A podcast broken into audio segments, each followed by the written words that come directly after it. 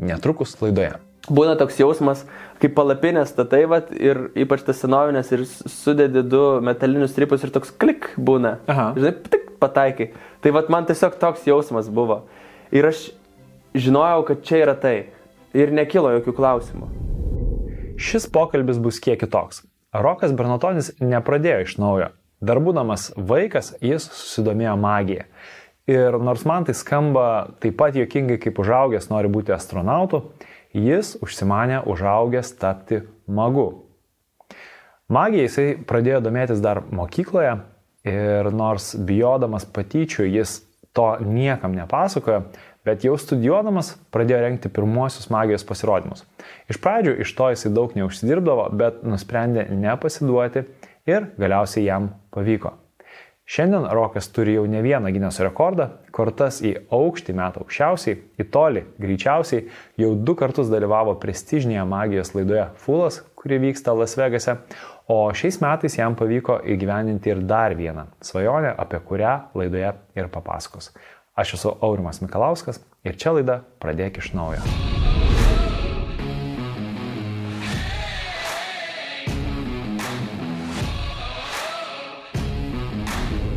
Jeigu tau patinka tai, ką kūrėme, kviečiu paremti PIN projektą Contribui platformoje adresu contribui.com pasviras brūkšnelis PIN. Taip ir toliau galėsim leisti savo pirmasias dvi savaitės naujausią epizodą transliuoti be jokios YouTube reklamos. Beje, už paramą gali audiotekoje gauti audio knygų. Kiekvieną mėnesį gausi po kreditą, kurį galėsi iškeisti į savo pasirinktą audio knygą. Šiuo metu audiotekoje gali rinktis iš daugiau nei 400 audio knygų pavadinimų. Sveiki, aš esu Aurimas ir čia dar vienas laidos Pradėk iš naujo epizodas, kuriame paprastai šiaip šnekamės su žmonėmis, kurie uh, galbūt sudėgė, gal nusvilo gyvenime, gal jiem kažkas nepavyko, nepasisekė ir jie neišdrįsta pradėti iš naujo. Ir aš kviečiuosi žmonės, kurie galėtų galbūt motivuoti, įkvėpti kitus pradėti iš naujo. Bet šiandien aš turiu šiek tiek e, kitokį svečią. Šiandien mūsų svečias yra um, atradęs savo svajonę labai anksti gyvenime ir e, nuo to laiko jos siekia visais įmanomais būdais. Ir e, man teko Roką, mūsų svečią, matyti įvairiose situacijose ir aš žinau, kad jisai vienu metu, pavyzdžiui, buvo labai žinomas žmogus, labai populiarus, visi jį žinojo, bet e, su juo šnekant, man buvo, na, kaip ir aišku, kad iš tikrųjų nėra viskas pas jį taip gerai, kaip galbūt visiems atrodo, kai mes matom scenoje žmogų, kuris atrodo mums populiarus. Kita vertus, dabar yra toks etapas, kai rokas tikrai yra aukštumoje ir man tiesiog įdomu šiek tiek suprasti, kuo, kaip, kas, kas dedasi Roko galvoje, kaip įmanoma užsidegti kažkokią svajonę vaikystėje ir jos ilgai, ilgai nepaleisti ir visais įmanomais būdais to siekti. Tai labas Rokai. Labas. Toks trumpas pristatymas, aš tikiuosi, kad e, ir tave tai padės įvesti šiek tiek į laidos kontekstą. Taip. Ir pradėti ir norėčiau iš tikrųjų nuo to, kad e, aš nežinau, ar tu žinai, bet galbūt jau ir supratai iš mūsų vat, kai, to pokalbio, ką tik, kad pirmą kartą aš apie tave sužinojau, pamatęs tavo e, tą, kaip čia, viral video, mhm. kuris, nežinau, galbūt vienas iš pirmųjų ir buvo. Taip. Kuris savo, nemokamai?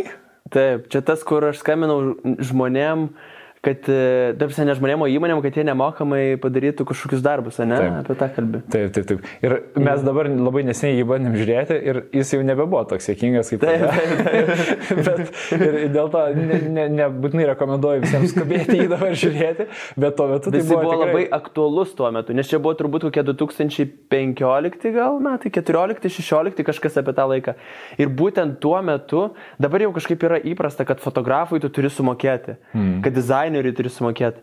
tuo metu nu, labai viskas greit pasikeitė, visi visko norėjo nemokamai. Sako, taigi čia reklamėlė bus, taigi tu Facebook'e padėsi ten tą nuotrauką su komentare įdėtų savo vardu ir tau čia plus užsakymai. Mm. Nu buvo toks dalykas, dabar net, tai net nėra kaip dalykas, tai galbūt kas yra apskritai nauji žmonės rinko ir ką tik baigė mokyklos studentai, tai jie net nežino, kad tai buvo.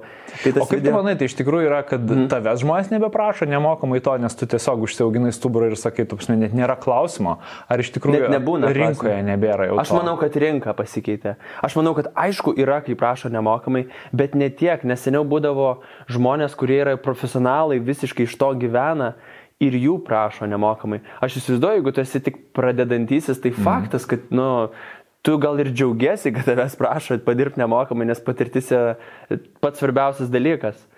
Tai jo, tas buvo labai labai geras video ir uh, Aš atsimenu, man kilo idėja visiškai laukiant autobuso į Berliną ir aš galvoju, man reikia, aš iškart paskambinau savo draugui Sauliui Baradinskui, režisieriui, kuris fantastiškas režisierius yra. Ir mes po kokių penkių dienų iš Berlyno grįžau ir iškart nufilmavom tą video, iškart sumontavom. Ir jisai taip, nu, laimėjo internetą kokiam trim dienom visiškai. Geras. Aš žinau, kad tu vienas jį padarai, kažkaip man toks įspūdis buvo ir iš to video turbūt galima buvo net susidaryti tokį įspūdį. Bet žinai, aš pasakysiu įdomiausią dalyką, kad tai veikia labai ir man po keturių metų grįžo viena istorija, nes aš skambinau, nežinau, ar tu atsimeni, e, automobilių nuomai ten. Sakau, e, nu, tam aš prašiau nemokamai Aha. automobilių nuomos. Ir pasirodo, tas žmogus, kuriam aš skambinau, buvo Ramintos Bielės e, pusbrolis. Ir jisai visą laiką Ramintos prašydavo bilietų į koncertą. Ir jisai po to video suprato, ką jisai padarė. Ir jisai pradėjo vis laik pirkti bilietus į Ramintos koncertą. Ir kai jinai važiavo į koncertą, sako, gal tu nori paimti mano mašiną iš nuomos punkto nemokamai. Tipo. Tai man Geras. Raminta papasakė šitą po keturių metų, tai aš taip galvoju, eik tu savo kaip jėga. Geras. Aš dabar norėčiau gal šiek tiek grįžti, nes ne, nebūtinai visi šitos laidos žiūrovai tave žino. Taip. Ir aš tave pristačiau kaip roką, bet iš tikrųjų tu esi rokas Bernatonis ir tu esi magas. Taip. Iliuzionistas, magas, Kada tu susidomėjai magija? Nes yra nu, toks keistas dalykas. Labai.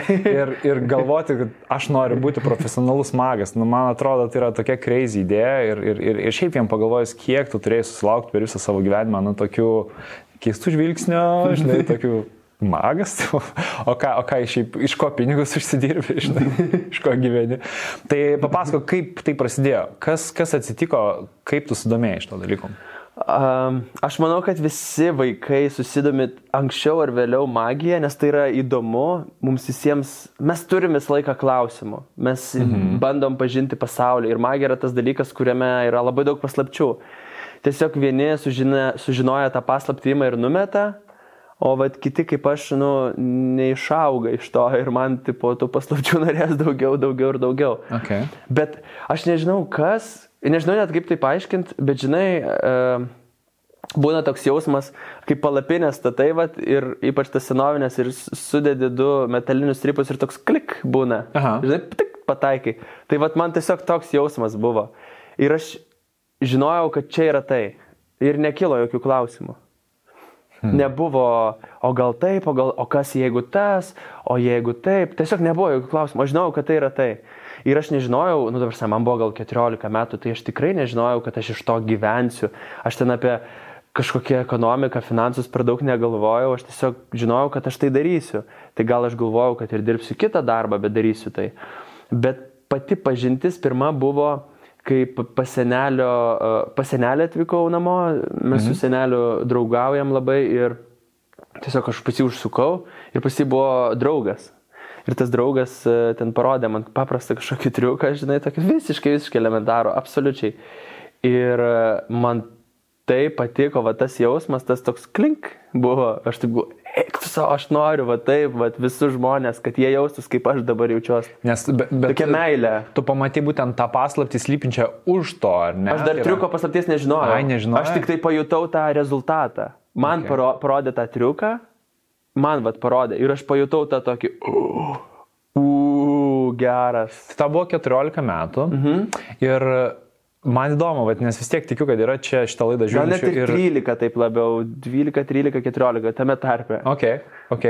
Uh, tikiu, kad šitą laidą žiūri ir tėvai, žinai, ir man mhm. taip įdomu yra, vat, kaip tavo tėvai reagavo į tai? Nes tikrai dažnai būna, kad tokiam va, daugmaž amžiai vaikai užsimano visokių keistų dalykų arba sudomi keistais dalykais ir tėvai, man atrodo, gali ir demotivuoti, ir įvairiai gali demotivuoti ir tą, tam vaikui leisdami pilnai tą įsismelkti ir ten, nu, vat, viską, ko reikia atiduoti. Ja, Man ja. įdomu, kaip tavo tėvai reagavo į visą tai.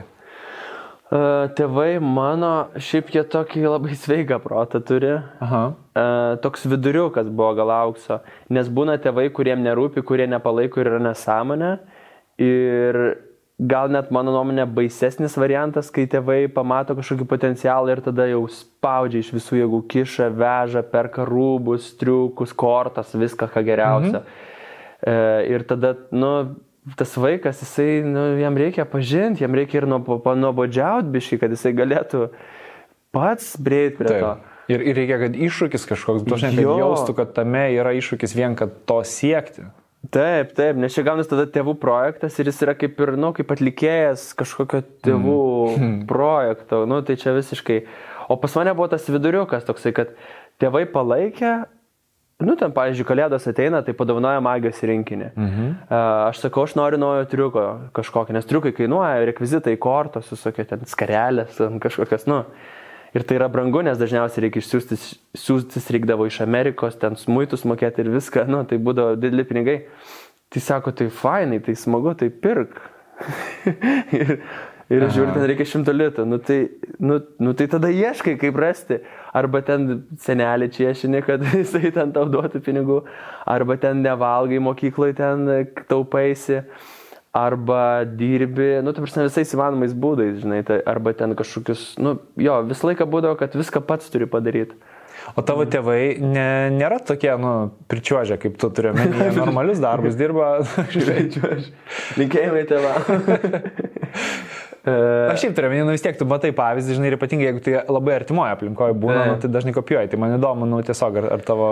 Ne, tėtis, e, ta prasme, jie pričiuožia gerąją prasme, bet tokia konservatyviaja prasme. Mm. Tėtis tai turi uh, baldų gamybos įmonę, negamina kažkokių meninių baldų ten ar kažkokių tiesiog baldai restoranam, namam, o mama dirba um, su buhalterija darželiai šiuo metu, okay. bet labai mėgsta apželdinimus, augalus, tai irgi meniškos sielos. Bet, bet ne, nieko bendro ten su aktorystė, dainavimu ar kažkokiu atlikėjais, nieko. O man labai įdomu, tai jie buvo tavo pirmoji auditorija magijos, jiem rodydavai magijos triukus. Jiem, broliui ir gal toks ištikimiausias mano žiūrovas, tai senelis mano. Okay. Um, ir jisai man labai, vat, jisai um, finansiškai labai man daug būdavo, kad, žinai, kai būna tėvai taip ramiau, o seneliai lepina. Mm. Tai senelis žiūrėdavo ten triukus mano ir ten sakydavo, tau reikia naujų kortų. Tai jis vat, labai man padėdavo šitų, yeah. šitų klausimų. Jo, ir aš jam darydavau visokius triukus, išsibandydavo ant jo ir prisiminiau, kad kiekingą istoriją labai, aš dariau, nu, pamačiau internete kaip Copperfieldas skraidina rožę, žinai. Ir aš nežinau, kaip skraidinti, man 13, aš nežinau, kaip ten mm. rožę skraidinti. Ir galvoju, nu tai susiūlais. Prisikabinau siūlų, žinai, kambarį, prigesinau šviesą. Ir tipo skraidinu tą rožę. Ir sakau, senelė, žiūri, jis visiškai nenustebęs. Ir sakau, o jūs supratot, kaip aš padariau šitą triuką? Aha. Sako, ne. Sakau, jūs supratot, ką aš padariau? Ne. Jis buvo taip tamsu, jis, jis buvo be kinių, jis tiesiog nieko nematė. Juk jokios reakcijos.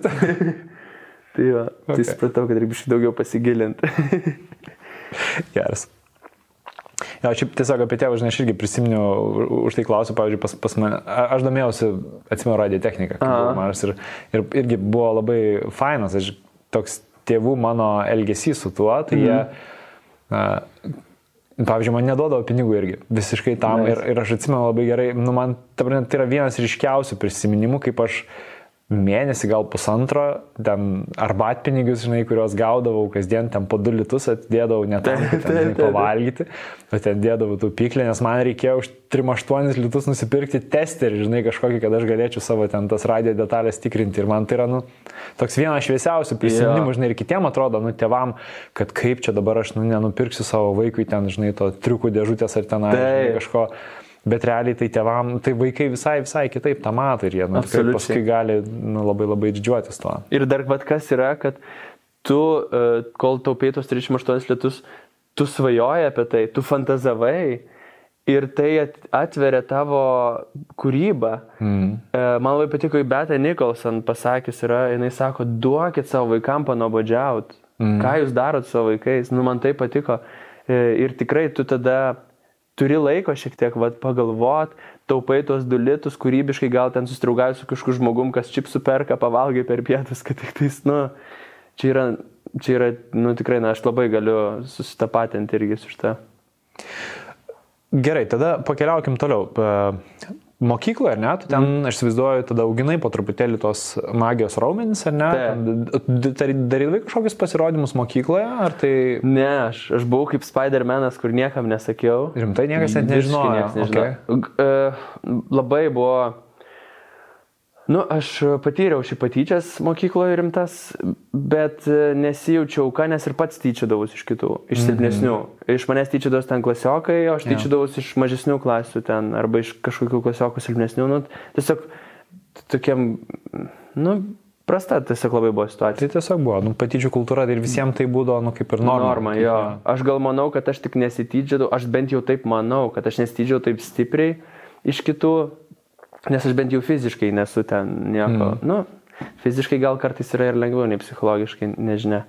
Čia į detalės nesileidžiant, bet, nu, turiu meni, kad uh, jaučiuosi atsakingas pasakant tokį dalyką, nes, nu, nenoriu būti aukos pozicijai, nežinau, kad kažkas dėka manęs irgi buvo auka. Mm. Nu, tai labai atsiprašau tų žmonių, tiesiog mes buvom vaikai.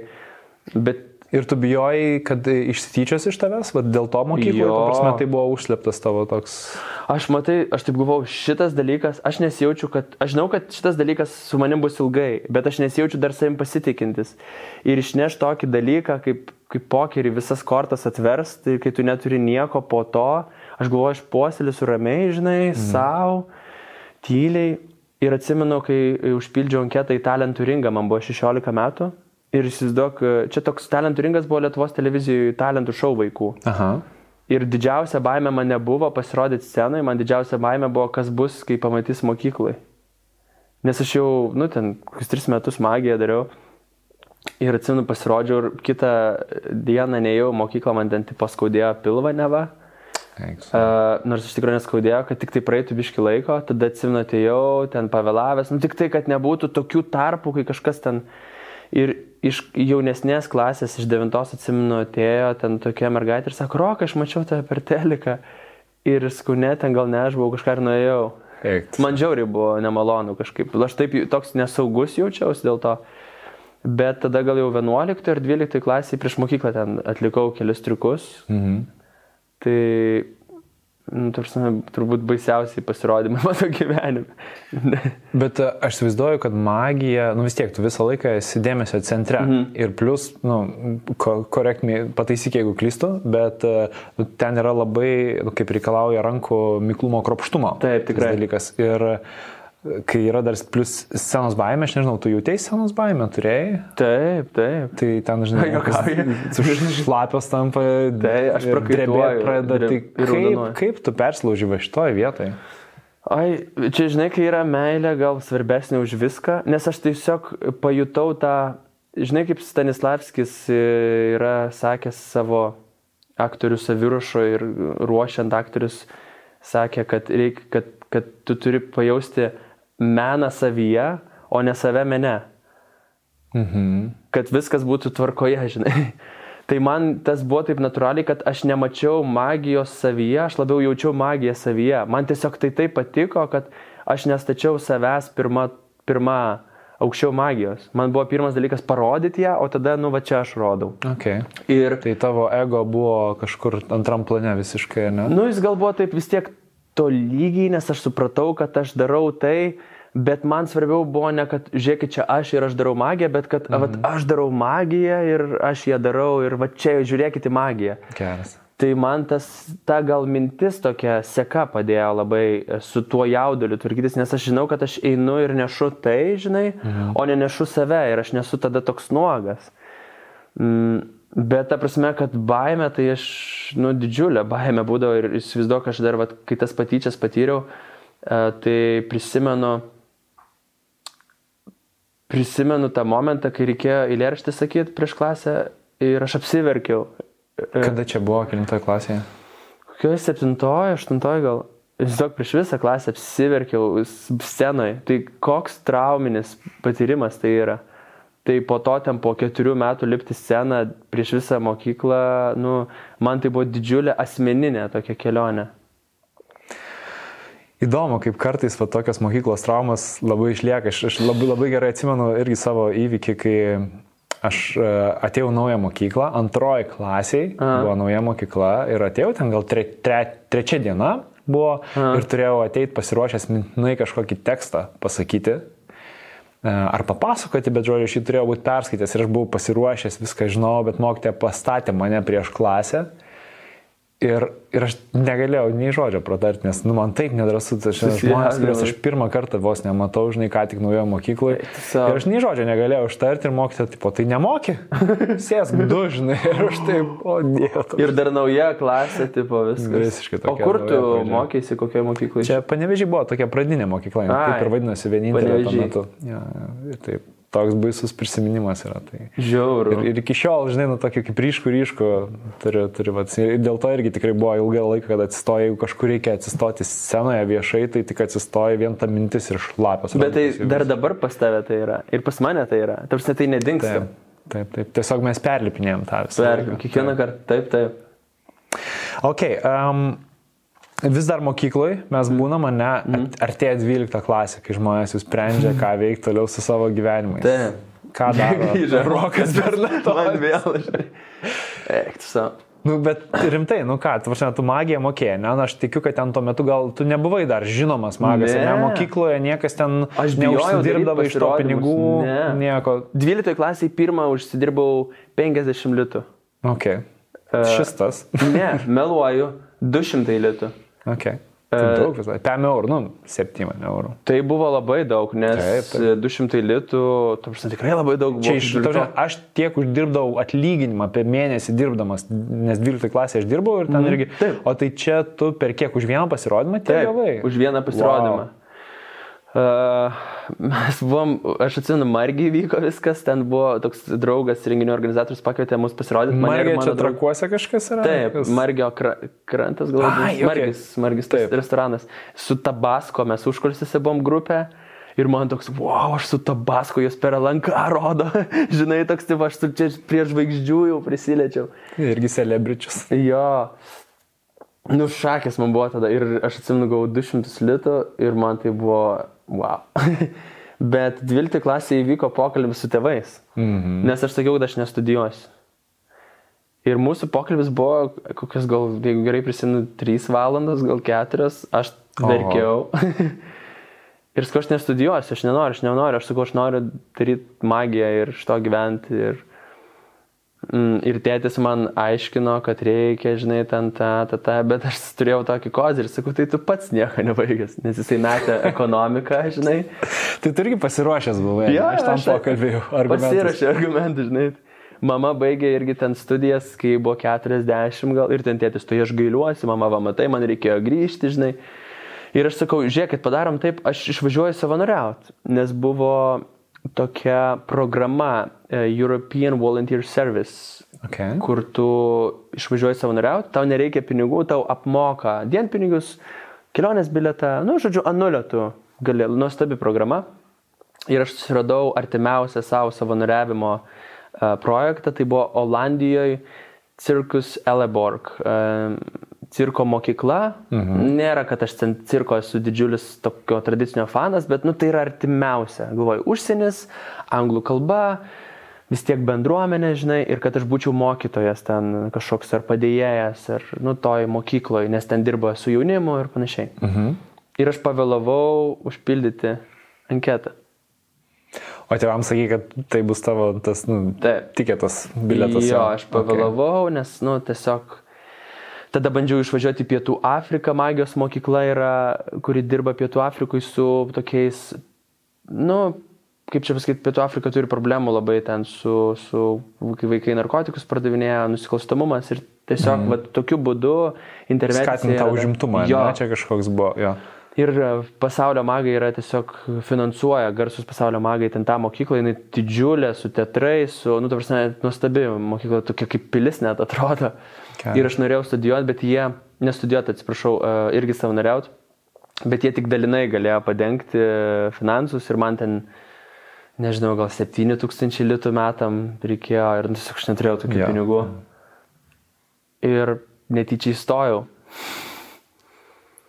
Tai, tai ne, nebuvo to gap year, nu, nebuvo. metų pertraukos tu įstojai į... į okay, tai jo. viskas pagal ne tavo planą. Visiškai. Okay. Kur įstojai? Aš įstojau vizualinę komunikaciją. Čia kaip, kaip kūrybinės industrijos, bet kolegijai ten paprasčiau šiek tiek. Ir įstojau uh, tokios studijos realiai apie viską, bet apie nieką.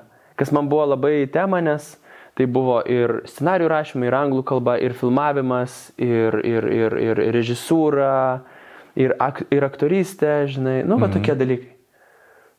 Ir aš žiauriai džiaugiuosi. Tiesiog man labai pasisekė. Kodėl? Aš tokius dėstytojus gerus gavau. Žurnalistika buvo Henrikas Vaitekūnas, e, aktoristė Ilona Balsytė, operatorius Mantas Šatkus, e, fotografija Gidijus Kabošis, nu, tai yra A klasės žmonės, aktoristė dar buvo Kazlauskaitė. Mm. Tai prasme, man žiauriai pasisekė, kad tokie yes. žmonės buvo dėstytojai. E, Paškevičius dėstė režisūrą, nu, net tokie žmonės, aš tiek iš jų išmokau, nu, kad buvo labai labai gerai. Ir kas buvo gerai, jie buvo inovatyvus labai ir nuotoliniu būdu paskui leido studijuoti jau tada, kas buvo prieš aštuonis metus ir aš važinėdavau, tada pradėjau į Ameriką važinėti. O tu šiaip tiki, tiki ženklais? Nu, man tiesiog įdomu, aš žinai, ką girdžiu mm. iš to istorijų, kad, nu, tu vis tiek visą laiką nepameti to savo svajonę, žinai, mm. nu, tu E, taip, kaip prisimenu dabar Steve Jobs kalbą, kurią net pats esu įgarsinęs kažkada, nes man labai gilų įspūdį paliko, kuris pasakojo, kad nu, eini ten, kur veda toks, nu nežinau, ne, ne tai, kad likimas veda, bet nu, veda, žinai, kažkas gaidina, tave ir tiesiog ženklais, žinai, sėki. Ir sako, tu gali nežinoti dar eigo eidamas, kaip tie visi taškai susijungs, bet jie kažkaip susijungs, jeigu tu, žinai, eisi ten, kur tave širdis, žinai, veda. Aha. Tai vad man įdomu, ar tu tuo tiki ir ar tai vat, yra irgi tavo toks jausmas žinai, kad va, tu nuėjai studijuoti ir kaip ir turėjo būti blogas dalykas, nes tu planavai nestudijuoti ir ten su tėvais 3 valandas kalbėjai dėl to. Mhm. Bet nuėjai ir ten, ta prasme, tave pasitiko visi žmonės, kurių tau nu, reikėjo tam, kad tu keliautum toliau tuo keliu. Uh, uh, čia toks labai platus filosofinis klausimas. Aš gal net neturiu atsakymą, labai priklauso nuo situacijos. Aš manau, kad reikia labai klausyti savo kūno ir kaip tu vat jauti. Mhm. Bet aš labai manau, kad e, labai reikia tuo pačiu dirbti su savimi ir e, asmeninės savybės daug ką reiškia. Nu, vat, aš manau, kad aš gal ir geriau galėjau ten padaryti viską, galėjau daugiau visko pamatyti, daugiau išmokti, gal ten nuotoliniu būdu buvau, tai galėjau daugiau pasimti iš tų dėstytojų. Bet aš manau, kad, žinai, uždaro į koncentracijos stovyklą, tarkim, nu, vat, iš istorijos žmonės, gerai, į pabėgėlių stovyklą, kaip pavyzdys ten, uh, pabėgėlių stovykloje yra daug žmonių ir vieni yra ten tiesiog žmonės, o kiti kaip ten Kazitskas daktaras, kuris man yra labai didelis autoritetas, jisai ten buvo vertėjas, mm. įsidarbino. Nu, supranti, tai tavo asmeninės savybės, kaip tu pasinaudoji kažkokią situaciją. Um, tai man atrodo, kad aš kartais man pasiseka pasinaudoti tiesiog tais dalykais gal. Bet ar ženklais tikiu, gal tikiu labiau jausmu kažkokiu vidiniu. Okay. Tu vad pasakėjai, reikia stebėti savo kūną. Papasakok plačiau, ką tu turi omeny. Nu tai e, vieni jaučia čia, kiti jaučia čia, kiti čia, kiti čia, čia. Mhm. Nu, pas visus žmonės, aš taip kiek skaičiau, skirtingose vietose yra kažkoks va tas klik momentas. Bet koks tau tai yra pojūtis? Va tas klik, Aha. kaip tu sakėjai, kur palapinė didį ir susijungia. Yeah. Nu man va čia va pilvė taip šilta pasidaro ir tokie kaip drugeliai gal. Aha. Bet jie tokie, netokie, kad ten būtų kaip, kaip tarsi tu darai kažką ekstremalaus ir toks, bet toks, nu va taip šilta ir gera, žinai. Ir tu jauti, kad, o, va, būtų faina taip. Toks labai paprastas jausmas, jis mhm. nėra kažkoks um, ryškus toks labai, jis toks gan, gan tylus, bet toks uh, jautiesi kaip kaip vaikystėje, pavyzdžiui, ten su pusbroliais ar pusėsrėm žaisdamas. O, žinai, nu toks šiltas, paprastas. Geras. Žinai, va tą jausmą. O koks yra priešingas jausmas? Nu, va, jeigu, sakykime, tu esi ant, nu, ant pasirinkimo ribos, tau reikia rinktis vieną ir kitą variantą A. ir tu kažkaip kūną jauti, kuris yra teisingas, mm. o kaip jauti, kuris yra neteisingas? Na, nu, tai čia, yra? kai atsikeli ryte ir apsimeti, kad pilvas skauda, nes nenori įti mokyklą, kad sužinos tavo klasiokai, kad tu buvai telikė. tai toks, e, irgi toks, nu, kaip burokėlių skonis toks. Aš labai nemėgstu burokėlių, nu, toks žiauriai neskanus. Lyg užvalgys burokėlių. Vis. Labai aišku. Štai ir gerkim. Gerai. Kas vyksta su magija, kai tu studijuoji? Nu, vis tiek, kiek keturis metus, ne, studijavai. Tai čia buvo. Tris kolegijoje. Tris kolegijoje, ok. Ir, ir tai buvo, kur tu, nu, gerai, nuotoliniu būdu. Mhm. Tai nežinau, ten turbūt neokupuodavo viso tavo laiko, ne? Ne, aš stengdavausi eiti pamokas, aš nuotoliniu tik tai studijuodavau, kai išvažiuodavau į užsienį. Jo, bet magijos tu nepametė, ne? Ta prasme, ne. visada tai buvo toks, tu vis darydavai kažkokius pasirodymus, nes, žinai, man labai, nes tai yra didžiulis laiko tarpas. Nuo to, kai tu sudomėjai ten 13 metų Taip. ir tu neturėjai jokių pasirodymų, tai vien iki 12 klasės yra ten 5 metai, kai tu nu, ta prasme, tai kaip ir vystai, bet kaip ir tuo pačiu nėra, žinai, kad tu užsidirbtum pinigus, nėra nu, to patvirtinimo iš išorės, kad tai yra kažkoks teisingas kelias. Tai jau vien tai man sunku įsivaizduoti, žinai, kaip toliau. Kaip komplimentą primimsiu, bet man tai atrodo taip natūralu, tarsi, nu, jeigu tau patinka, tai tu darai, žinai. Nu, nu taip, bet... Taip, bet... kai tu sakai, tai skamba, eik tu savo atrodo, negalėčiau to daryti. Nu, ta prasme, ne mano charakteriu, bet atrodo, kad aš tai dariau. Jo, nu, nes tai jautėjai tiesiog, kad tai yra, nu, kaip ir sakai, vis durgeliai. Jo, tikrai nebuvo burokėlį. Gerai, tai studijos, ne, ir pradedi studijuoti. Ir, mm -hmm. ir mhm. nu, vis tiek tu turi galvoti, nu gerai, o ką aš veiksiu gyvenime, iš ko aš pinigus užsidirbsiu. Ir, ir tau vis tiek buvo aišku, kad tai bus magija.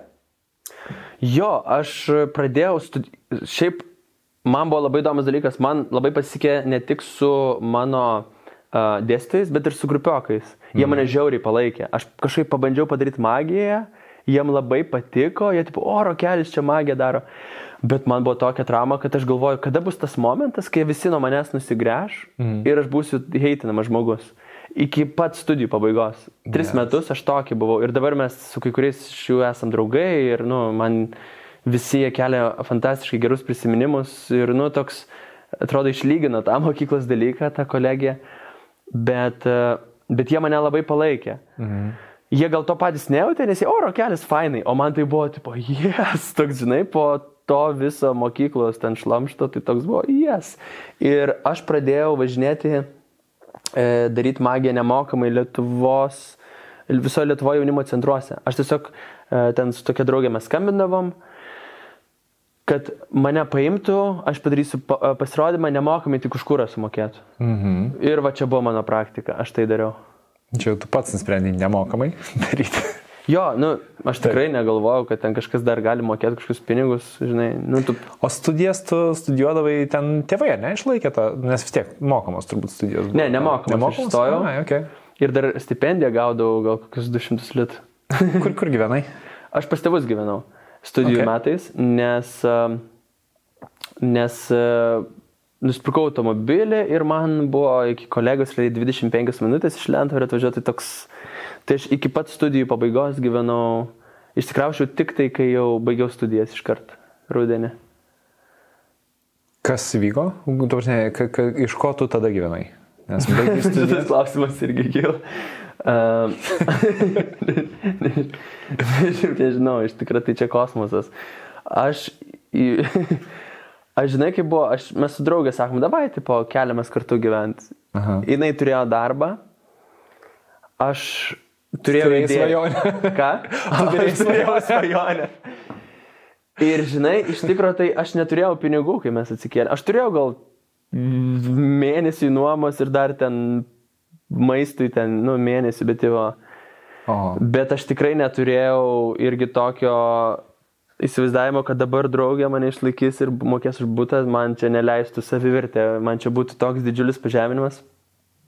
Tai aš dariau viską, viską iš paskutinių jėgų, kad aš turėčiau tų pinigų tai nuomai. Pavyzdžiui. skambini, reklamuoji, Facebook'e darai visus pasirodymus, visur kišiesi, žinai, tu viską dariau, kad tik turėčiau pasirodymą. Nebuvo plano B. kad- Ai, būtent magijos pasirodė. Jau pradėjai tas, turėjom Jo, viskas. magijos. Ok. Viskas, nėra kelio atgal. Aš eilėjau trečiam kursai, iš tikrųjų pradėjau uždirbinėti pinigus. Aha. Taip, nu, tokius neblogus jau. Tiesiog labai nereguliarūs, ne? Nu, kaip pramušė pasirodymą. Jo. Žinai, ten gerai pavarai, bet tada išvarai į Ameriką, kažkas paskaitas nusipirki, kas kainuoja labai daug, e, kažką nusipirki, vėl tų pinigų nėra. Nes aš atsimenu, aš trečiam kursė gal ten uždirbau gruodį gal kokius 7000 litų. Ok. Ir tai buvo dideli pinigai, bet, e, na žinai, iškart triukai, a, reikia magijos knygų, reikia magijos pamokų Las Vegase, reikia to, reikia pamatyti šou, reikia viskur važiuoti, žinai, tai 7000 litų dar prie dolerių, tai jie ten nieko verti, žinai, mm. nu labai greitai jų nebėra. Tai taip iškart investuoji į save, tada jau reikia gyventi atskirai, tada mašina, tada viskas, nu ir tada toks chaosas gaunasi, tu neturi pinigų, bet jų reikia. Ir pas mane buvo toksai pažadas, kad kai aš išeisiu iš namų, aš niekada neprašysiu pinigų. Niekad, ever. Mhm. Vis nieko neprašysiu tėvų, senelių, nieko. Ir pavyko išlaikyti šitą pažadą, jo. Tai irgi džiugus, nes buvo tokių mamų, tokių jau galvoju, eik savo, jau viskas de degu, degu visiškai. Um, Aš galvoju, gal aš čia per atvirai, žinai, aš pamiršau, kad kameros. Ne, ne. Aš šiaip nesu tokių dalykų, gal net pasakau. Aš šiaip esu, vakar turėjau renginį ir ėjau mėgoti pirmą ir esu pavargęs. Žinai, kai esi pavargęs, gynybiniai mechanizmai labai mm. -hmm. nusiema. Tai, ja, tai man dabar va, toks- down. tokia nuotaika. Labai gerai, labai, labai laiku prisik, prisikalbinau tave. Um, gerai, tai tu žodžiu pradėdavai gauti nereguliariai. O šiaip man įdomu, kalbant vat, apie pinigus, gal galim iški pasikalbėti šitą temą. Nes, uh, vat, sakai, kad ir, ir čia yra, nu, toks dėsnis, žinai, tikrai, kol tu ne, nepradedi žiūrėti į asmeninius finansus kaip į dalyką, kur truputėlį turi valdyti, Jo. tai taip ir būna, kad viską, ką gauni, viską ir ištaškai visada rasi, kur išleisti. Man įdomu, pasikeitė tai pas tave šiek tiek. Pasikeitė, bet, žinai, toks gyvenimas mano jis labai nėra pastovus. Aš, pavyzdžiui, ten buvo jau viskas gerai, tada aš sugalvojau, kad reikia važiuoti gyventi į Ameriką. Tada tu staiga nebeturi pajamų, tada tu gyveni iš santaupų, mhm. tada tu grįžti į Europą ir tada vėl užsidirbi. Tada, ir supranti, ir nėra tokio... e, Tada jau grįžau į Europą ir viskas jau kaip ir labai reguliaru atrodo. Tada karantinas. Nu, ta prasme, toks atrodo, kad tokio etapo bent dviejų metų, kur būtų viskas labai, tipo, kaip žinai, normalu, mm. aš nesu turėjęs. Bet kad, e, nu, atsidedu ir kad ten šiek tiek ir investuoju dabar jau ir ten tu, turiu ten ir rezervą, tai jau, nu, bent jau tai yra ten. Bet tokio kažkokio labai, aš manau, taip atsitraukus nuo visko, kas koks nors, aš dabar e, finansinės konsultacijas ten pa- pasiėmiau, turiu, žinai, kas konsultuoja, bet taip, jeigu tai būčiau padaręs prieš penkis metus, tai tikrai viską galėjau žymiai pratingiau pasidaryti. Nu, Tai tiesiog, dabar jau tik, kad pasikeitė, ne? Tas, jo, čia pasikeitė, tikrai, tikrai. Okay. Um, kiek laiko dabar yra iš viso, kiek tu magija esi? Nu, mm, Taip ir rinkoje, aš gal sakyčiau rinkoje, nu, tai jeigu nuo kokių 21, man 29, tokius 8-7 metus. jo, bet man gal įdomiau būtent nuo pat susidomėjimo, ne? Nu, tai gal Ai. kokie apie 15 metų. Ar nėra tokio jausmo, žinai, kad, Vis dar skaičiu, žinai. kad jau biški, nu, jau nusibosta? Man? Jo. Nu, Kas, Jo. ar, ar tu turi planą B? Nu, magija, žinai, tas yra mokais, mokais ten daug visko darai, darai ir nusibosta. Ką tada? Nu, žinai,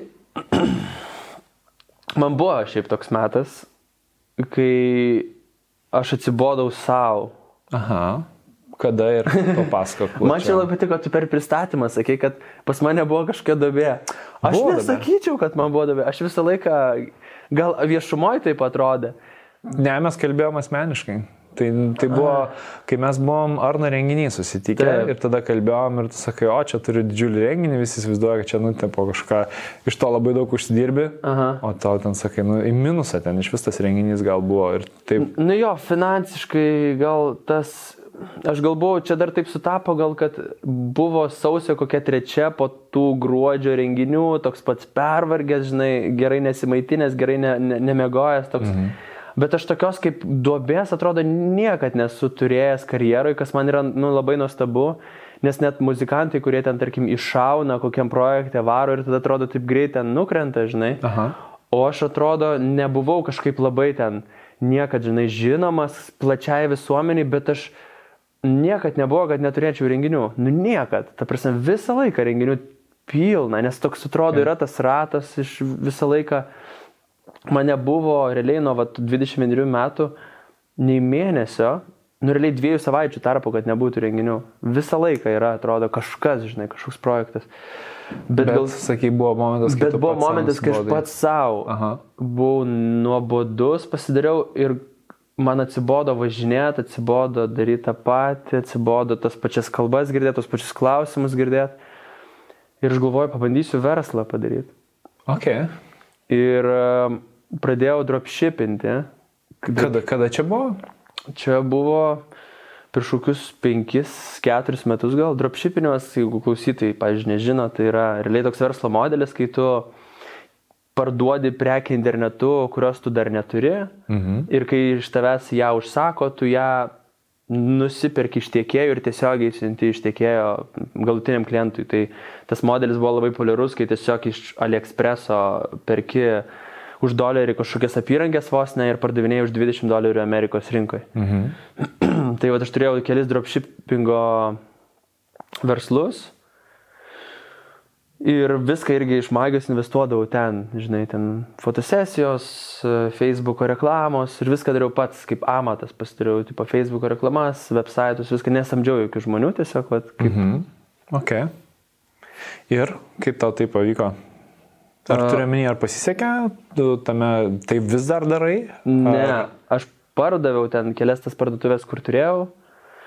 Finalė tai turbūt aš ant nulio gal išėjau, gal biški minuso. Mhm. Nebuvo, nepasisekė iš tikrųjų man.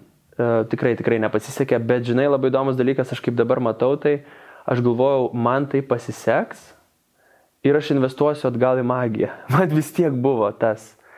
E, nes galvojau, gal man reikia poilsio, mhm. o poilsis galvoju, ai, tai tipo palisėsiu darant verslą.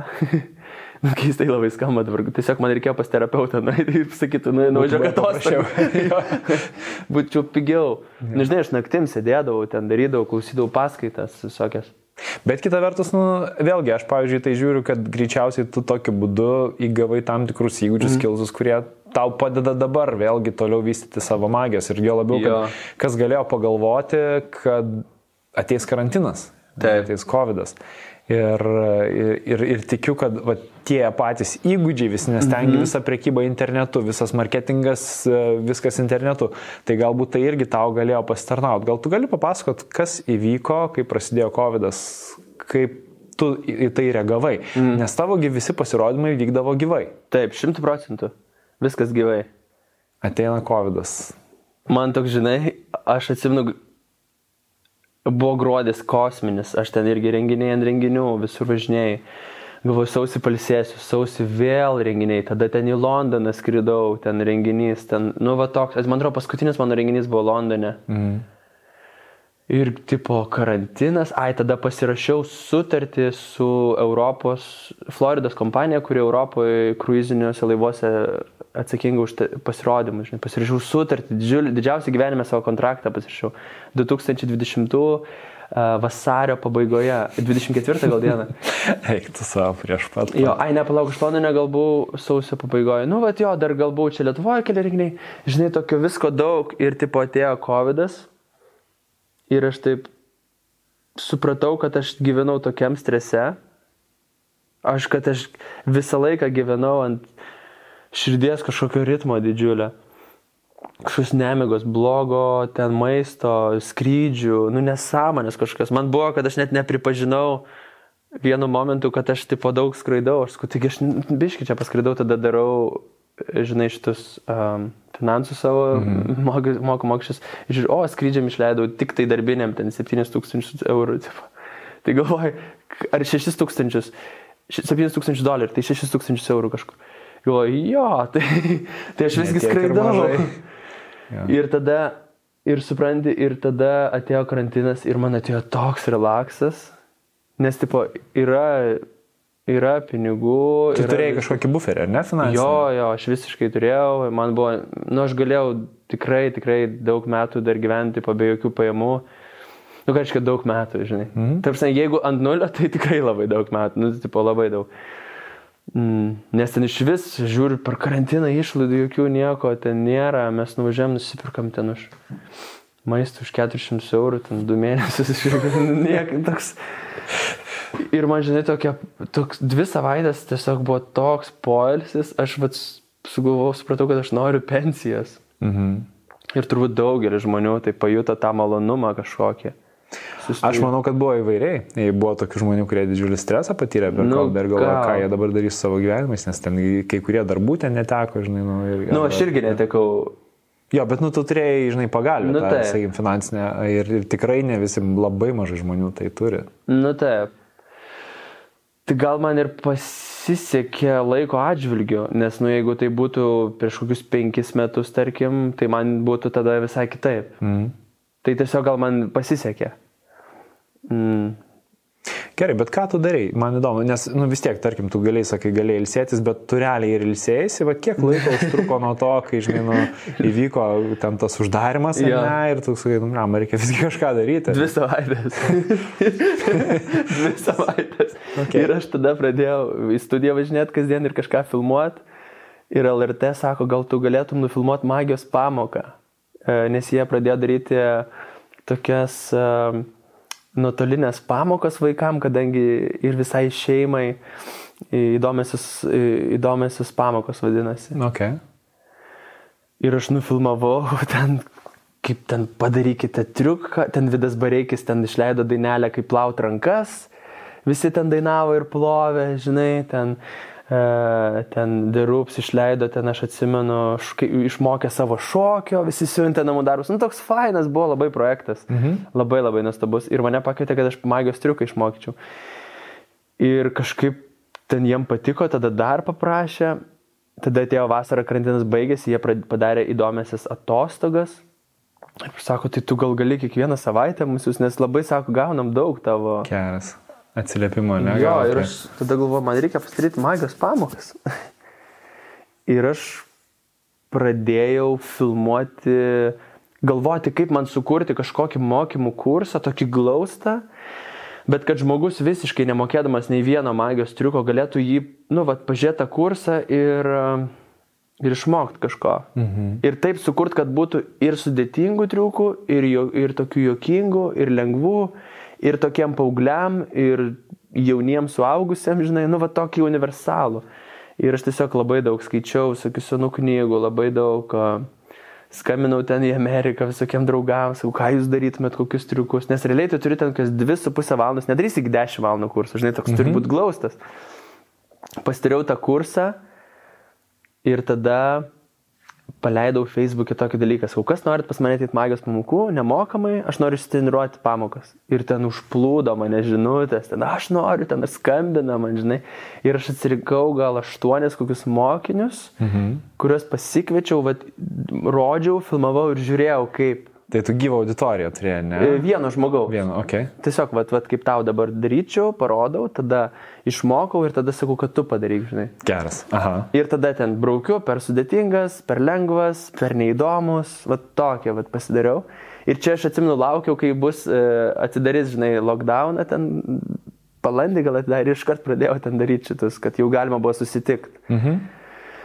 Su žmonėm ir nufilmavau tas magijos kursus dviem kalbom, lietuvių anglų kalba. Ir tas principas mano kurso irgi yra toks, kad ne tai, kad aš sėdžiu ir va taip prieš kamerą rodau tuos triukus.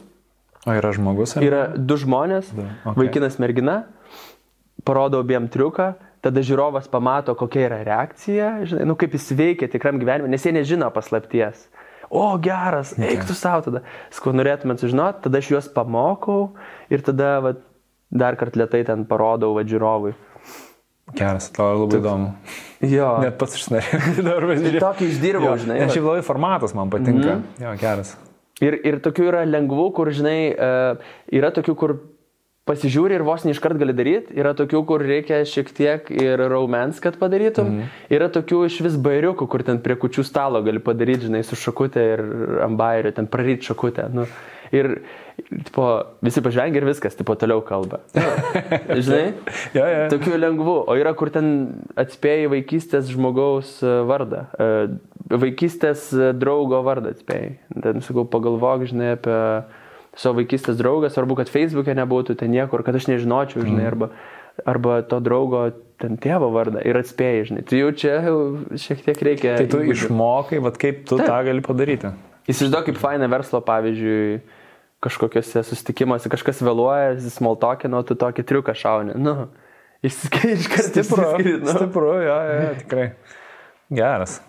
Tai čia buvo tavo, kaip, tu, aišku, viena vertus tai buvo veikla, ką tu turėjai ką veikti tuo metu, kol COVID vyko. Jo. Um, aišku, turbūt su pardavimais ten nu, nebuvo taip lengva, aš taip įsivaizduoju, nes mm. Bent jau aš irgi esu kažkiek susidūręs su, mm. su, su, su online kursai, žinai, žinau, mm -hmm. kad ne visada yra tą taip lengva parduoti, kaip ir kaip smagu, kai yra kurti. ir tikrai reikia pastangų ir, ir, ir um, aš, aš atradau šiaip veikiantį mod- modelį, mm. bet man toks irgi buvo, mes, mes šiek tiek vat, apie tai kalbėjome, žinai, toks, kad atrodo, ai, tai čia paprasta, įdėsi reklamos į Facebook, Jo, jo. žinai, ir visi ateis ir visi pradės pirkti.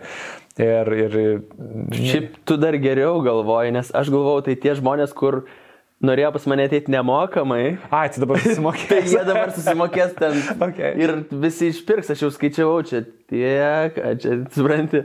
Tai jeigu aš dar būčiau galvojęs kaip tu, tai būtų tas nusivylimas mažesnis. Mhm. A, Žinai, koks momentas, nu, aš apie pardavimus gal nebekalbėsiu, bet Mhm. šiaip mm. galite užeiti iš naujo LT ir susipažinti, nes dabar ten kaip tik yra vienas pasiūlymas, kaip galima webinarų dėka pardavinėti tokius mm. kursus, aš tau esu pasakojęs. Mhm. Taip, esi Tai, pasakojęs. tai, va, tai galėsim naujo pasikalbėti LT. apie Tai, jo, iš naujo LT. Tai tai tau nesiūlau, aš tau ką nors papasakosiu gyvai, gal kaip O, tą visą gerai. Tai pasidaryti. gal visiems gyvai. jo, bet man, žinai, koks momentas yra įdomus iš to vietai, mm, kad e, tu, vad, pasakai, žinai, prasidėjo COVID, sakai, nu, turiu pinigų, kad realiai, žinai, nu, taip normaliai gyvenamas galėčiau ten ilgai, ilgai, žinai, Jo. pratemti.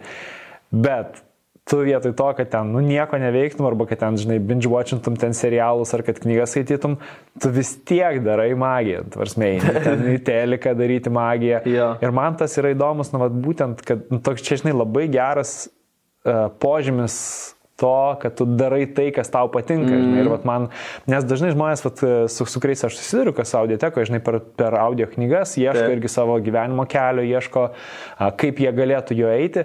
Net iškyla klausimas, kaip man žinoti, žinai, kad tai yra ta veikla, kurią aš norėčiau daryti, arba kaip man atrasti tą veiklą, mm -hmm. kurią aš galėčiau, žinai, save dedikuoti. Ir man, vat, tu esi labai gražus to pavyzdys, kur tu... Mm nu, tu tai darai nesvarbu realiai, ar tau tai atneš pinigų ar ne, ir net kai visiškai tu neturi nieko daryti ir net atrodo, kad jau nebeturi galimybių, kaip to veikti, nes COVID viskas, renginiai baigėsi, viskas Jo. baigėsi, rokas ką čia, gal kokį naują magijos triuką, žinai, sukurti, gal dar kažką.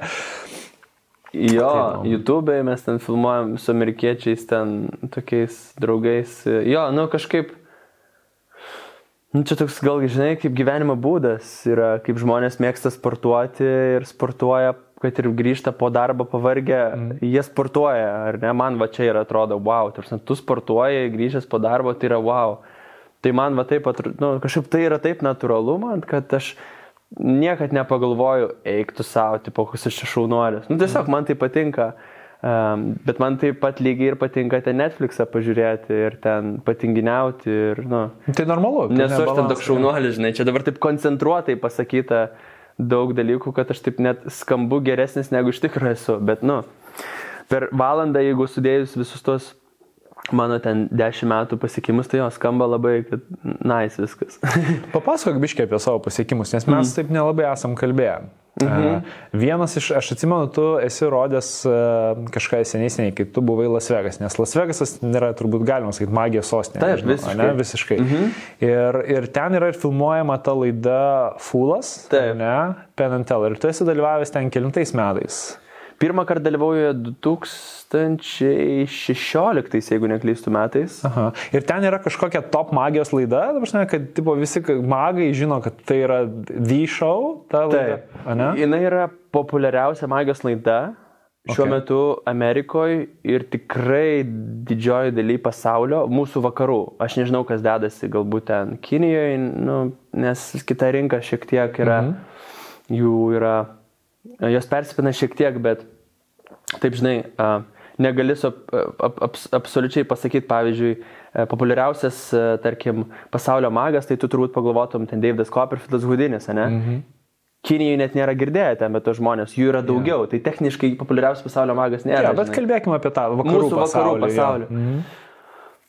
Um, jo, tai yra šou, tai yra kaip Amerikos talentai, tokio lygio šou magijos, uh, tokio lygio televizinis projektas. Mhm. Tiesiog jis yra kaip yra The Voice uh, muzikantų, Aha. žinai, Lietuvos balsas kaip yra muzikantų. Taip. Tai Amerikoje yra Penn and Teller Foolas, Penn and Teller apgauk mus vadinasi. Tai yra, nu, D-Show, aštuntas sezonas buvo nufilmuotas, dabar jau transliuojamas, filmuoja devintą sezoną. Mm, CW kanale, reitingai kosminiai, juos, na, prasme, nu, įrodo ir kitose šalyse, ten kaip ir Australijoje, Naujoje Zelandijoje, kai kurios avialinijos yra įsipirkusios ten tą... Hmm laidą. Nu ir didelė, didelė tikrai tokia elitinė, jau tikrai legendinė laida. Ir aš manau, kad kai jinai baigsis, kai bus paskutinis, sklinda kalbas, kad bus dešimt sezonų. Mhm. Tai aš manau, kad čia bus didžiulis liūdėsys tam pasaulyje magijos ir apskritai, nes nu, yra žmonių, kurie nuo pirmo sezono žiūri kiekvieną laidą ir tai yra didžiulis, didžiulis. Ar sunku tam patekti yra į tą laidą? Kaip, kaip vyksta atranka? Žinai, tai, tai yra pakankamai konfidencialu, kad aš nežinau, Aha. bet kiek aš esu girdėjęs iš kalbų, ten su produceriais, kaip pabendrauji, žinai, laisvu laiku, tai priklausomai nuo sezono. Bet kai aš buvau pirmą kartą prieš ten penkis metus, tai man yra sakę, jeigu gerai aš prisimenu, kad dešimt žmonių siunčia užklausą, du iš tų dešimt paima. Okay. Tai toks koficijantas. Ir kai visus jau nufilmuoja, tai dar kokius 5-10 procentų ne, neįdeda į eterį, neištransliuoja. Juos nufilmuoja, bet tiesiog, nu, ne dėl to, kad jie blogi, bet pavyzdžiui, būna labai panašus du triukai, tarkim. Aha, taip. Nu, taip sutampa. Ir tiesiog renkasi. Nu, va, šitas gal biški geriau vos vos. Arba gal nepasisekė kažkam, arba, nu, va, daug priežasčių gali būti. Gal tiesiog neorganiškai atrodė, Tai va tiesiog natūraliu būdu. Pats ir kanalas dar atmeta kažką. Tai tu ten esi jau du kartus dalyvavęs? Taip, du kartus. Ok. Nu, papasako, kaip tau sekėsi. Ir, ir ai, žinai, gal papasakok dar pradžioj, nes aš jau žinau šitą dalyką, bet uh, kokia esmė yra tos laidos? Ai. Tai pats formatas, tas uh, premise of the show yra, kad uh, kaip Amerikos talentuose, tarkim, tu turi ateiti ir sužavėti publiką. Mhm Tai to, e, tos laidos formatas yra, kad tu turi apgauti du geriausius pasaulio magus, tai yra Penn ir Tellerį. O jie iš tikrųjų magai yra abu jie? Jo. A, geras. Nes tu juos žinai iš, kito, iš kitų laidų kažkokio, ne? Iš buvusių... Ne, ne, ne, ne, aš tiesiog aš nežinau, A. kad jie ir magai, aš galvoju, jie tiesiog yra tos laidos Ai. vos nevedėjai. Ir... Ne.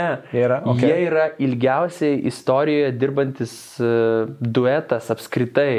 Ok, geras. Atlikėjų, bet kokios ryties. Uh, Teleris turi didžiausią, man atrodo, jeigu neklystu, privačią magijos kolekciją. Jis turi ten hudinio rankraščius. Jis yra absoliučiai, darsne vienas daugiausiai e, žmonių, žmogus, kuris turbūt daugiausiai turi apie magiją žinių. Yra geriausi pasaulio magai, tarsi penketukė yra. Geras. Okay. Ir jie savo Vegas šou turi, o dieve, aš nežinau, 20 metų. Jie ten nuvažiuoja kartą į Broadway'ų, ten iš karto išparduoda bilietus, į Londoną nuskrenda iš karto, nu, tarsi jie yra Jo, jo, yra fantastiški magai. Ir tada tau reikia. Ir tau reikia apgauti juos.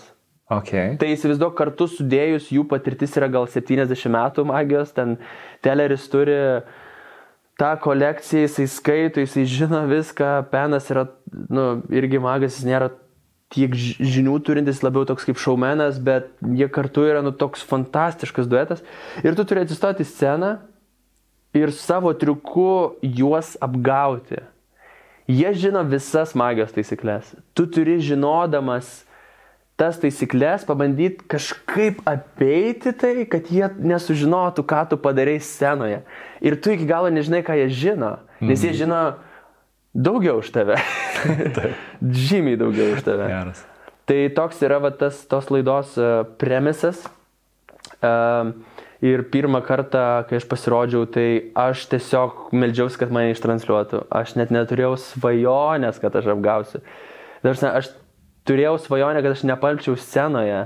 Aš savaitę kito nemegojau, aš savaitę kito negalėjau valgyti, Aš nieko negalėjau aš po dušu negalėjau nueiti, man tarsi aš toks buvau kaip lavonas, aš žiauriai bijojau. Nes aš užaugau su tai žmonėm, realiai, žiūrėdamas juos. Ir staiga man reikia daryti jiem triuką ir bandyti juos apgauti, kai publikoje dar 500 žmonių ir aš žinau, kad mane pamatys visa Lietuva. Ir aš prieš ten 5-6 metus bijojau pasakyti mokykloje, kad aš talentų ringė buvau, žinai. Nu, įsivaizduoju tą mano vidinį pasaulį, aš tai tikrai nebuvau kažkoks pasitikinti savim, aš tiesiog mm. iš baimės jau. Savo man jau dabar sukilo, ta, žinai, prisiminimai, kaip aš ten bijojau visko. Tai va, o antrą kartą buvo kitaip. Tai ir neapgavai. Neapgavau. Okay. E, nežinau, ar čia užpipins, bet neapgavau. o antrą kartą? antrą kartą, antrą kartą biškai viskas buvo kitaip. Papasako, kas, kada čia buvo tas antras kartas? E, sausio mėnesį. Mm, Kiek laiko rašysi? Nu, viskas prasidėjo irgi čia per karantiną užgimė. Aš nesu dar to gal net ir sakęs, bet aš po to padariau pertrauką metų, kaip pasirodžiu to laido ir kiekvienais metais bandžiau vėl pakliūti. Aha. Ir manęs nepaėmė vėl. Galvoju, gal kažkas su manim negerai, gal aš kažkoks, gal tas triukas negeras, bet aš nepasidaviau, aš kiekvienais metais ėjau. Su to pačiu ar visas? Ne, vis. Vis, okay. Tai kiekvienus metus sugalvoti kažką, kas būtų, yra irgi Tiesa. reikalų, kol tuo metu vyksta renginiai, darbai, viskas. Ir tu kažkaip ten tą pasirodymą nufilmuoji, ar tai aprašai? Ne, reikia jis... nufilmuoti. nufilmuoti. Ir okay. nufilmuoti taip, kaip jisai jau atrodė scenoje šimtų procentų. Okay, geras. Uh, yra reikalų pasiruošti. Yra, tikrai, tikrai yra. Ir aš tada jau atsirado, atėjo karantinas, Ir mes per karantiną su draugu Riksmi Junior, labai nuostabiu magu Amerikos žinomu, pradėjom filmuoti video visokius per YouTube. Mhm. Nes yra kortų metikas, e, moka labai gerai mėtyti kortas kaip ir aš, jis turi ten gynės rekordų, aš turiu gynės rekordų. Nu ir mes pradėjom filmuoti tokius challenges ir žaisti iš pinigų internete. mes taip pasakom, nufilmuojam uh, kažkokius triukus, pavyzdžiui, iš kiek kartų tu galėtum išjungti šviesą metant, metant kortą, žinai, nu tokios karantino nesąmonės, neturėjom ką veikti. Ir aš bandau spėti, kiek tu, žinai, tu Aha. bandai ir kas geriau atspėja, tai tūkstantis dolerių, žinai, aš jeigu laimiu, tai tu man tūkstantį, nu ir žodžiu. Tai mes žaidėm tokį žaidimą. Ir e, tada aš gavau laišką iš tos laidos producerio, sako, gal tu nori vėl pabandyti, nu nes jie kiekvienais metais siunčia, sako, gal turit kažką naujo atsiųskit, žinai, visiems. Ir aš tai, ai galvoju, čia karantinas, į Ameriką skris ten sunkiai, karantinavimas, aš nusinčiau Rikui, sakau, davai tu varyk, tu nesi buvęs toj laidojus, visur yra buvęs ten ir pas Ellen, ir Jaileno, nu visose šaužnai, nesi tokiai buvęs, tau reikia. Jisai suskambino su produsais, e, produsai sako, ar tu turi kažko tokio žiauriai faino, kad būtų tikrai unikalu mūsų žiūrovam. Sako, nieko neturiu. Ir produsai sako, taigi rokas kortas mėta, tai sako, gal jūs kartu kažką sukurkit. Ir kas man skambina, sako, davai kažką kartu sukuriam. Mm. Nu ir aš tai pradėjau galvoti, ką čia galima padaryti. Visų pirma, tai aš galvoju, kaip būtų kietai pasirodyti su juo scenoje, nes jis yra, nu, dažnai jis žinomas, e, gerbiamas iliuzionistas ir man pasirodyti su juo yra garbė.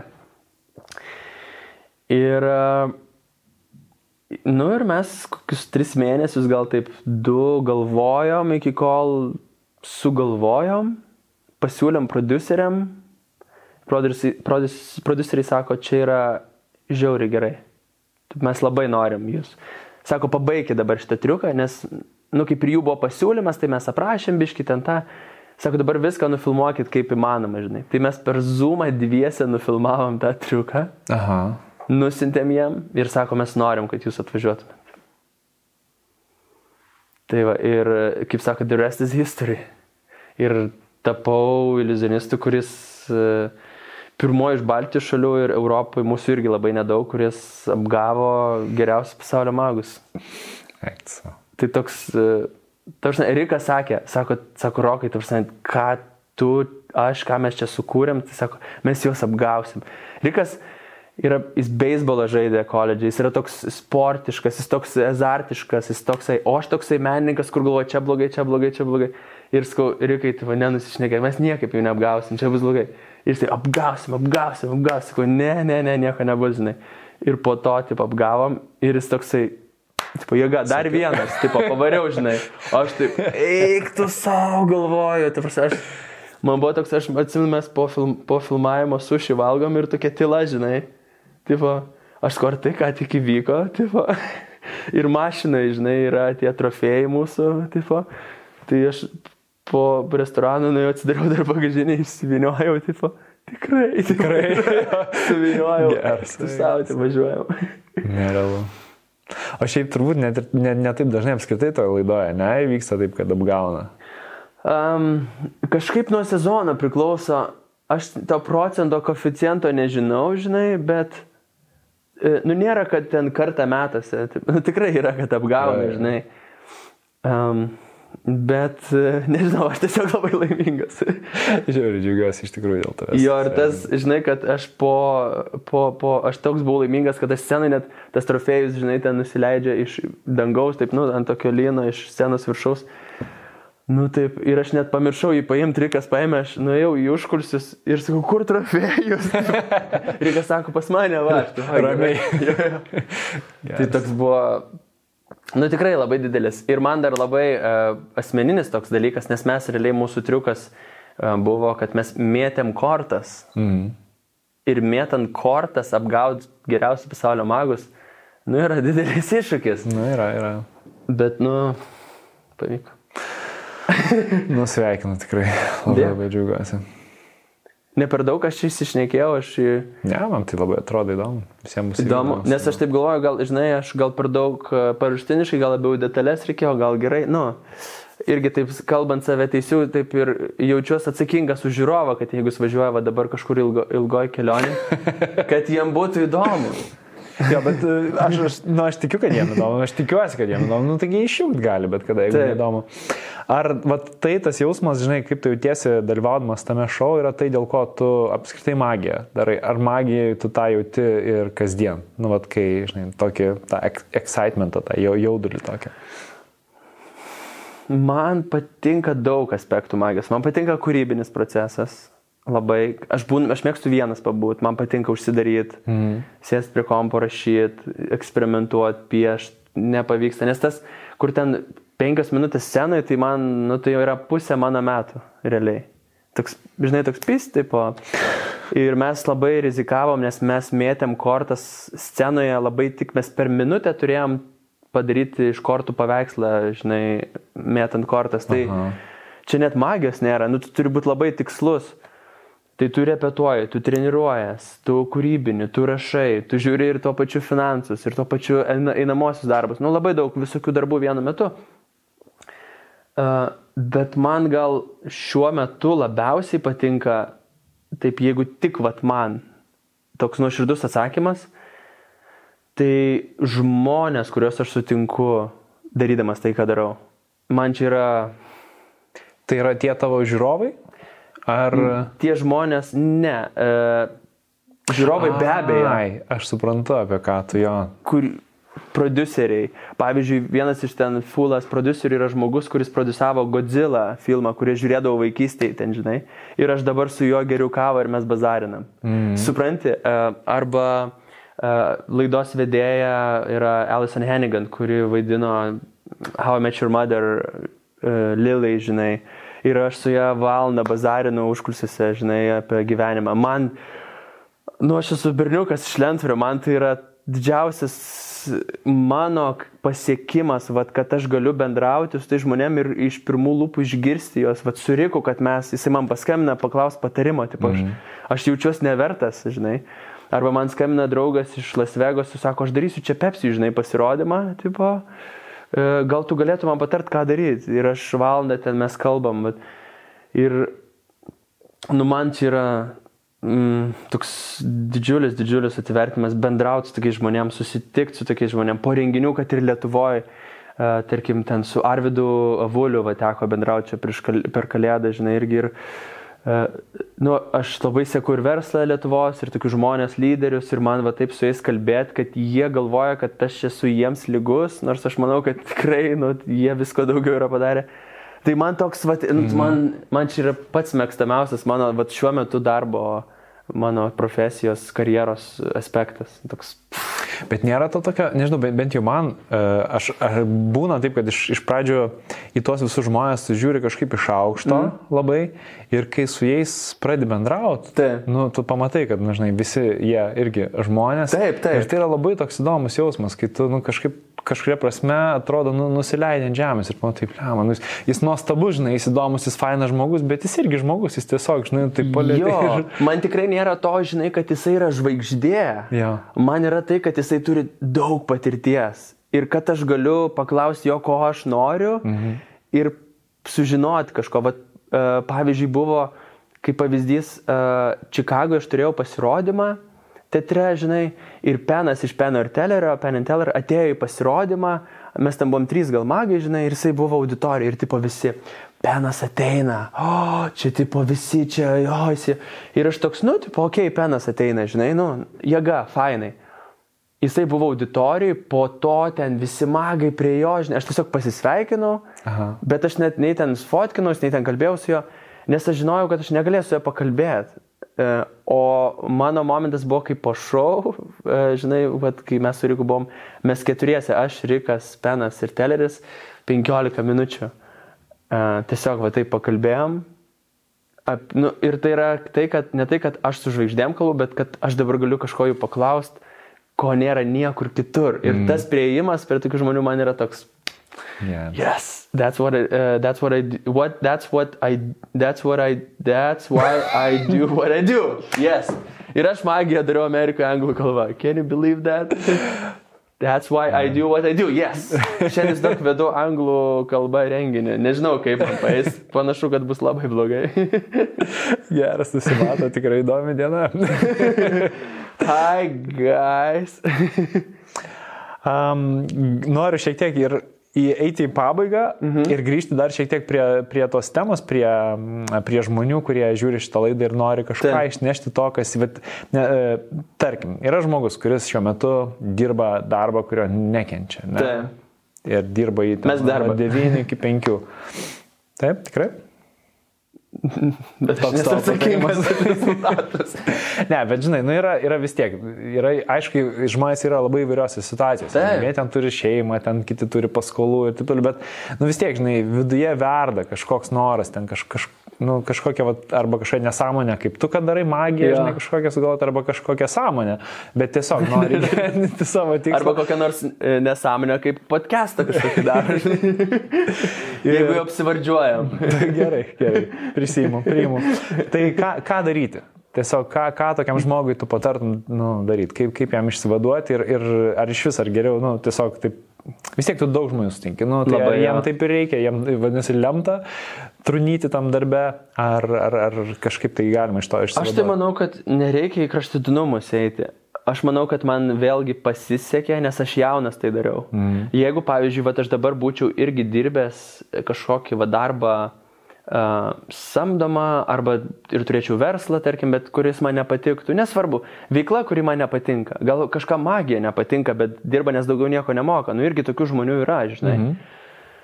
Tai aš gal, būdamas jau vyresnio amžiaus, tikrai taip nerizikuočiau. Mm, nes yra įpročiai, yra, kaip tu sakai, paskolos, gal šeima, tai gali būti per didelę kainą.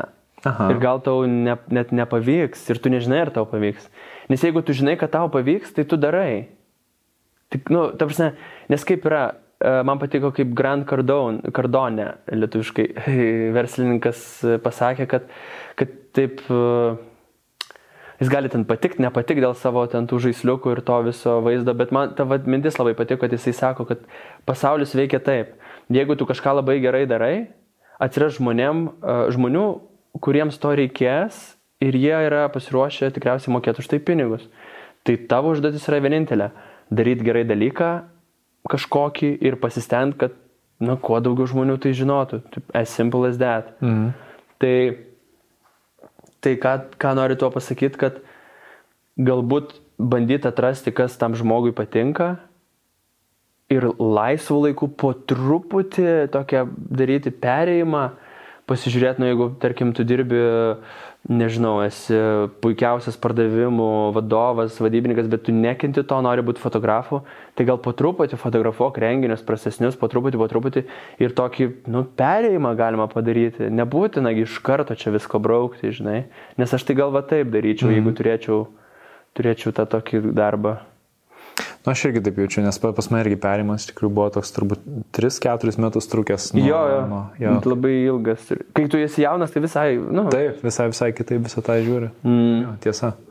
Ir, ir turbūt man vat, vienas dalykas, ką, ką aš iš tavęs girdžiu ir, ir, ir kas nu man irgi tikrai buvo toks indikatorius, mm. kad ta nauja veikla, nu, nes, žinai, dažnai žmonės nežino, ar tai yra tai. Taip. Ir man toks vat, kaip indikatorius, ką aš pas tai girdžiu, yra, kad tai darytum net jeigu tau niekas už tai nemokėtų. Šimtų procentų. Nu, vat, įsivaizduok, tu turi oficinį darbą dirbti, bet aš jaučiu, tu vis tiek darytum magijos pasirodymus ten, vaikam, žinai, nemokamai ir, ir, ir mėgautumės tuo gyvenimu. Taip, taip, šimtų procentų. Tikrai, tikrai šimtų procentų. Um, jeigu net ir nedaryčiau pasirodymų, nes ten neturėčiau energijos, būčiau užsiknisęs, žinai, ten kažkokiai būti ir, vad, nu taip gyvenimas kitaip susiklostytų, kad, žinai, turėčiau, vad, kažkokių kitų atsakomybių, žinai, kaip būna visko. Mm. Aš tikrai gal daryčiau tos triukus bent savo, repetuočiau, arba bent jau būčiau tikrai didžiulis fanas to, ar žiūrėčiau. Paminėjai Grand Cardone. Taip. Kalbant. Man įdomu, bet aš turiu dabar tokių keletą tau blitz klausimų mm. ir vienas iš jų yra apie saviugdą. Mm. Nes nu man Gran Cardonė tai vienareikšmiškai su saviugda asociuojasi ir audiotekoje yra jo dvi audio knygos, o. viena jo yra apie pardavimus, ir nežinau, apie finansus, jo, galėtum kada paklausyti. Galėčiau. Bet man tiesiog įdomu, ką e, na, saviugda tavo gyvenime. Mm.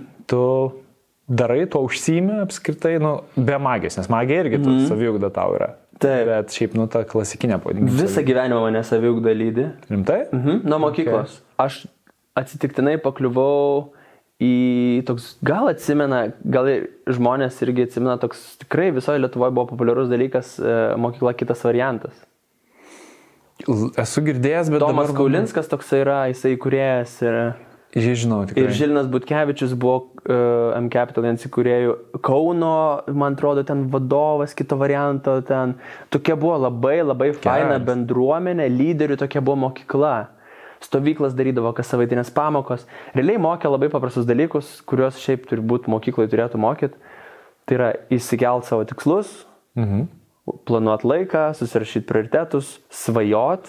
Va tokius dalykus mes ten um, vizualizuot mokėmės, tokius, nu, tais laikais ten daugam atrodė kaip sekta, nors čia yra toks paprastas dalykas tiesiog užsimerkti ir pagalvoti, ko nori. Nu, tai, ar čia tikrai sekta?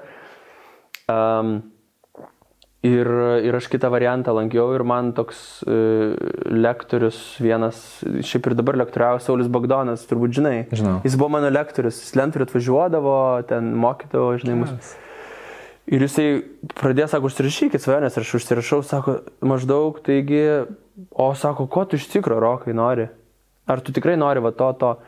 Ir aš užsirašau, kad aš noriu Las Vegase, pavyzdžiui, kada nors pasirodymą padaryti. Ir tu, kaip būtų faina toks klik. Aha. Bet tuo metu, kai tu ten užsieniai vieną kartą tik esi buvęs, tai Las Vegas atrodo iš vis nerealu, absoliučiai. Tai saviugda, va tada mano prasidėjo ir aš nuo to laiko visą laiką tai seka. Kaip įdomu, aš iš tikrųjų nežinau, aš aišku suprantu, žinai, kad mes su tavim jo. irgi per arną esam pažįstami ir taip toliau, ir aš suprantu, taip. kad greičiausiai yra, bet aš nežinau, kad tai buvo nuo taip anksti pas tave. Jo, jo, anksti labai. Geras, Ka, kas dar, tai e, tu buvai tuose mokymuose, knygos, audio knygos, šitie dalykai tu naudoji, nenaudoji? Nu, Atvirai gali pasakyti, nereikia sakyti, kad klausai audio knygų, jeigu to nedarai. Aš esu labai dėkingas Aurimui Guogai. Aha, Žinai jo knygą, ja. primink pavadinimą. Hmm. Pas mus jo nėra, jo nėra ir aš su juo esu kalbėjęs ir jis sakė, ai čia jau kaip ir nebeaktualu, nes labai seniai jis tą knygą yra įgarsinęs, e, nebeatsimenu, žinok. Siekite savo svajonių. Viskas, ką darote, gali tapti realybė. Na, žinai, tokius. Okay, aš negirdėjau jos. Ne, tai... okay. tai buvo mano pirma audio knyga saviugdos. Ir aš turiu piniginę vis laik šimtą eurų kai aš jį sutiksiu, aš duosiu jam to 100 eurų. Nes man jį atsintė nemokamai, aš neturėjau pinigų. Jis kainavo gal 300 litų. Brangi, labai, labai buvo tai. brangi. Ir aš visą laiką laukiu, aš jį gyvai sutiksiu ir sakysiu, Aurimai, ačiū. Nesu jo gyvenime sutikęs, esu prasilenkęs parke, man atrodo, mhm. bet aš paskui galvoju, gal čia buvo Aurimas Guoga. Ir aš atsimenu, vaikštau lentvarėje, tamsu, niuru, kovas, žinai, ir ten dar kriziniai metai, iš vis ten 8-9, žinai, nu, tokie niūrus. Ir aš klausau jo audio knygos apie kažkokį dalyką, kuris kaip ir jaučiu, kad gali būti manyje ta sėkmė, bet mano aplinka yra visiškai šlamšto verta, visa mokykla, visi draugai, tik tai ten cigaretės, alkoholis, nu tik nieko nėra. Aš turėjau, aišku, ratą nuostabų draugų, bet ta masė mano nu, mm. draugų, kur aš priverstinai turėjau eiti į mokyklą, kur buvo labai ten prasta aplinka, turėjau, žinai, kažkokius ten burelius lankyti, tarkim, ir ten buvo prastai. Ir sustikdavau tik su draugais, ne iš mokyklos, kurios labai branginau, ten kartą, žinai, mėnesį. Nu, tai buvo tokie momentai. Tai aš nesakau, kad aš ten labai prastai viskas buvo, bet turiu meni, kad ir man tas audio knyga, va, Aurimo buvo, nu, va, nuostabus dalykas. Aš ją kelis kartus, gal keturis esu perklausęs. Ir dar bandydavau 16, ten 18 medituoti pagal Silvą metodą irgi. Um, bet ne, netrado, netradau vat, meditacijos savo gyvenime. Mm. Nors dar nepaleidau, žinau, kad kažkaip grįž, bet netradau. Bet, bet, bet ieškai dar vis, nu, tavars, vis tiek tai yra ir iki šiol, ne? Kažkur. Pavasarį planuoju tylos stovyklą išvažiuoti, pabandyti. Kokią stovyklą? Tylos. Tylos. Aha, mhm. Silent Retreat. Mhm. Okay. Pabandyti. Lietuvoje kažkur? Lenkijoje. Lenkijoje, geras. Jo. Tai bandysiu, nežinau kaip vyks, nu kažkaip noriu vat, tai pabandyti. Bet jau užsiregistravai, nes ten labai greitai. E, gal... Aš vakar buvo registracija ir aš prisijungiau, jau nebuvo, buvo vyresniem vyram, buvo moteriam, tipo, young, kaip ten man, jau nebebuvo. Tai kita yra sau, uh, nesakysiu datus. um, Jo, jau užsiregistravau. okay. Gerai, gerai, nu, įdomu, tai smagu. Taigi, kitas dalykas, šiek tiek tu kalbėjai apie tai, ką tu iš, išmokai iš tagi pa, to, toje mokykloje. Ne, laikraštį reikia parodyti. tu simušai. Neįmanoma užduoti klausimą. Tu kalbėjai apie tai, ką antram variantė mokysi. Kitam variantė. Kitam, kitas variantas, ar ne, mm. buvo. E, tai ten planavimas, visa kita. Tu šiaip produktyvus esi gyvenime? Aš manau, kad jo. Nu, kai reikia, aišku, žinai, kai nereikia, jo. tai nebūtina būti produktyviam. Aš įtingėjau. Kokie būtų tavo tokie pagrindiniai tipsai žmonėm, kad būtum produktyvesnis gyvenime? Nu, vad, kai turi kažką siekti, ten tikslo kažkokio.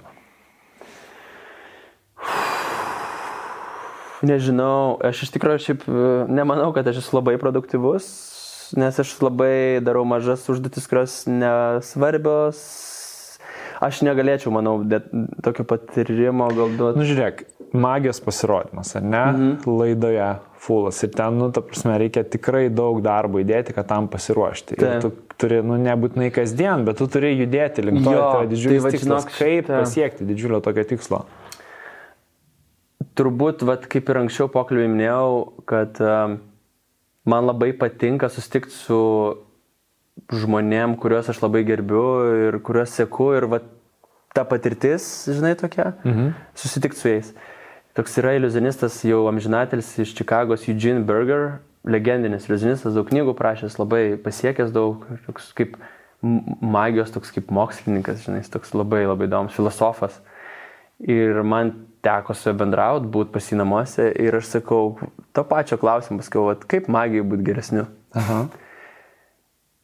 Ir jisai sako, jeigu tu žinai, kad tavo po savaitės yra pasirodymas, tai jau geriau kasdieną repetuoti po 20 minučių, negu paskutinę dieną repetuoti 12 valandų. Aha, okay. Tai tiesiog tas mažas reguliarumas yra stipriau už bet kokį paskutinės minutės intensyvų darbą. Tai ir ruoždamasis tu realiai, kad ir kasdien skiri po kažkiek mažai laiko, nu ten didesniam tikslui, ne, bet... Uh, Taip, kaip uh, anglai sako step by step, tai lietuviai sako stepas po stepo. Roko produktyvumo paslaptis. Stepas po stepo. ir stepai dabar, kurie vairuoja ir klauso, galvoja, čia apie mane. Ar tau būna taip, kad tau trūksta motivacijos? Mm. Nu, tipo toks. Jo, būna, bet aš tada žinau, kad čia yra man ženklas, kad aš esu fiziškai pavargęs. Okay. Čia yra kūno, kūno siunčiamas ženk- ženklas. Ir aš tada pasistengiu nesipari, nes aš tada save kritikuoju, vidinis kritikas sako, labą dieną, Mhm. kodėl tu neproduktyvus? Ir aš tada suprantu, kad, ai, čia man kūnas sako stop. Ir tada kažkaip iš visų jėgų stengiuosi tiesiog palisėti, nežinau, kad tada bus lyga kažkokia. Okay. Ar tu rašaisi tikslus? Dabar. Nelabai, ne. Mm, buvau pas Arną Markevičių stovykloj vasaros, tai rašiausi prieš du metus. Va taip, kai kažkur Mhm. užsirašau. Vienkartinis toks gaunasi. Taip, taip, taip. Okay. Kur tipo gauni žiauriai gražią knygą, kur galvoji išsaugosi, bet paskui ten išmeti po dviejų metų. Na, žinai, toks, kur galėtum iš karto išmesti, nežinai, kad graži Arba dar knyga. lentynui pabūna du metus ir tada išmeti. Okay. O, Nerašau, žinok, ne. o refleksijas darai kažkokias? Na, tai yra dienoraštė arba, arba taip, šiaip tiesiog, kad mintise pareflektuoji. Mintise visą laiką, bet e, raštiškai. Taip, bet ne. nuolat tai darai, ar ne? Iš esmės, re- real time. Jo, jo. Okay. Taip, taip, būtinai. Bet aš manau, žinau, kad, nu, čia toks visi tai daro. Reflektuoja. Nu, ta prasme, vat, kažkas įvyko ir, nu, tu reflektuoji, vis tiek, tu reaguoji į aplinką. Nu jo, bet tu- e, re, reagavimas ir reflektavimas, man atrodo, yra skirtingi dalykai. Tada papasakau, gal aš tada nesupratau. Ką tu reflektuoji, kai tu tiesiog apmastai, kas įvyko, kai galvoji, aha, šiandien buvau tą, ir ten, nu, tiesiog pastebi, kokie jausmai tau galbūt sukilo, galbūt kokie. Ai. Nu, tiesiog tu pe, pe, peržiūri, tarkim, dieną, prasukiai visus įvykius ir, ir, ir ypač jeigu tu turi kažkokį klausimą išsikėlęs, ar ne, nu, kur mhm. tam tikroje srityje nori šiek tiek paaukti, nu, tai tu tada prasuki dieną ir pastebi, ar iš tikrųjų tai įvyko, ne? ten galbūt kažkokia, kažkoks mm. konfliktas, ar tu tinkamai sureagavai, ar tu nepraleidai kažko, nenutilėjai, tai vat, tiesiog, ar, yra, vat, Jo, reflektuoju, tada taip. Bet gal pasakyčiau, kad nėra, kad labai giliai. Mhm. Nemanau, kad taip pergalvoju, per daug neoverthinkinu. tai gal ir nereikia overthinking. Bet pasirodymus būna, va, overthinkinu, galvoju, va, ta žmogus, va, kažkaip ten nebuvo, kad plojo. Žinai, o kodėl? Kodėl tuo momentu čia paplojo jie visi, jis ne. Nu, va, tokius iš techninės pusės, bet gyvenimo, tai taip pagalvoju, aha. Tai nėra, kad gal labai giliai kažkaip ten okay. kapstausi. Ne, tai ne. Ne, neišeis podcastas, mes galvojam, kad reflektuoja. Ja. Galiu išjungti, viskas baigtas. Dėkingumas tavo gyvenime. mhm. Ar tu turi kažkokią aktyvę praktiką dėkingumo, ar tai tiesiog tai yra įaugę, galbūt, nu aš ką jau pokalbio metu jau jaučiau, žinai, bet mm. ką tu sakai, kad a, tai visi tie žmonės, kuriuos tu sutinki, siekdamas Jo. tikslų, kad nu, pas tave natūraliai sklinda iš Bele kaip. nu, dėkingumas tame. Ar turi kažkokią aktyvę dėkingumo praktiką? Ne, aš primingą darydavau. Primingas pas jūs irgi audiotekoje yra, mhm. uh, kur ten yra 3 minutės dėkingumui. Bet aš turiu problemą su dėmesio nulaikymu ir aš padėkoju greitai ir tada kažką kitą galvoju. Kaip įdomu, magas, kurio darbas yra valdyti kitų žmonių dėmesį, Aš turi problemų su savo Žinok, dėmesiu. mano draug, daug draugų iliuzionistų irgi negali valdyti dėmesio. Savo, nes kitų Savo, tai gali. Kitų gali. Ir aš turiu, pavyzdžiui, draugą, kuris e, mes kartu dirbam, žinai, nu, ten ties kažkokiu triuku. Jis, nu, Las Vegase, kai gyvenau, tai kartu dirbam dabar telefonu. Jis, e, ir jisai, tu, aš jo negaliu sustabdyti, kad jisai kažką, bet jeigu aš jį jau sustabdau, jisai gali šešias valandas, pavyzdžiui, be sustojimo varyti, nei mm. į tualetą nenuės. Ir man tai atrodo kaip lyga, tarsi tai yra šiaip žiauru. Aš negaliu, aš ne, aš taip, nu, man, taip, padarau, padarau, biškai palisiu, padarau, padarau tokiam prib- pribėgom. Bet aktyvios praktikos neturiu. Aš manau, kad aš tai kažkaip išreiškiu nesąmoningai, Mhm. bet aš než, ne, nežinau kaip, aš niekada to savo neįdėgiau. Kaip, pavyzdžiui, tikslų išsikelimą man įdėgė kitas variantas, Saulis Bagdonas, žinai, šito aš nesu įsidėgęs. Galbūt, žinai, man dėkingumas yra muzika. Aš kai klausau muzikos, aš turbūt labiausiai jaučiuosi dėkingas, va dabar galvoju. Aš taip, mm. atrodo taip malonu ir tose žodžiuose atrandi kažką ir prisimeni kažką, vietas, žmonės, patirtis ir toks tipo, nice. Išgyventi dėkingumą tą visą. Okay. Um, toks jau beveik paskutinis klausimas Taip. apie aplinką. Kaip tu jauti, kokią įtaką, kokią reikšmę turi aplinka, kurioje tu augi, va, tam, kaip tu galiausiai išsivystai ir kaip, kaip tas nu, tavo gyvenime reiškiasi? Man čia, žinok, yra, aš norėsiu vat, paklausti, kai pasakysiu savo mintį, ką tu galvoji, mm.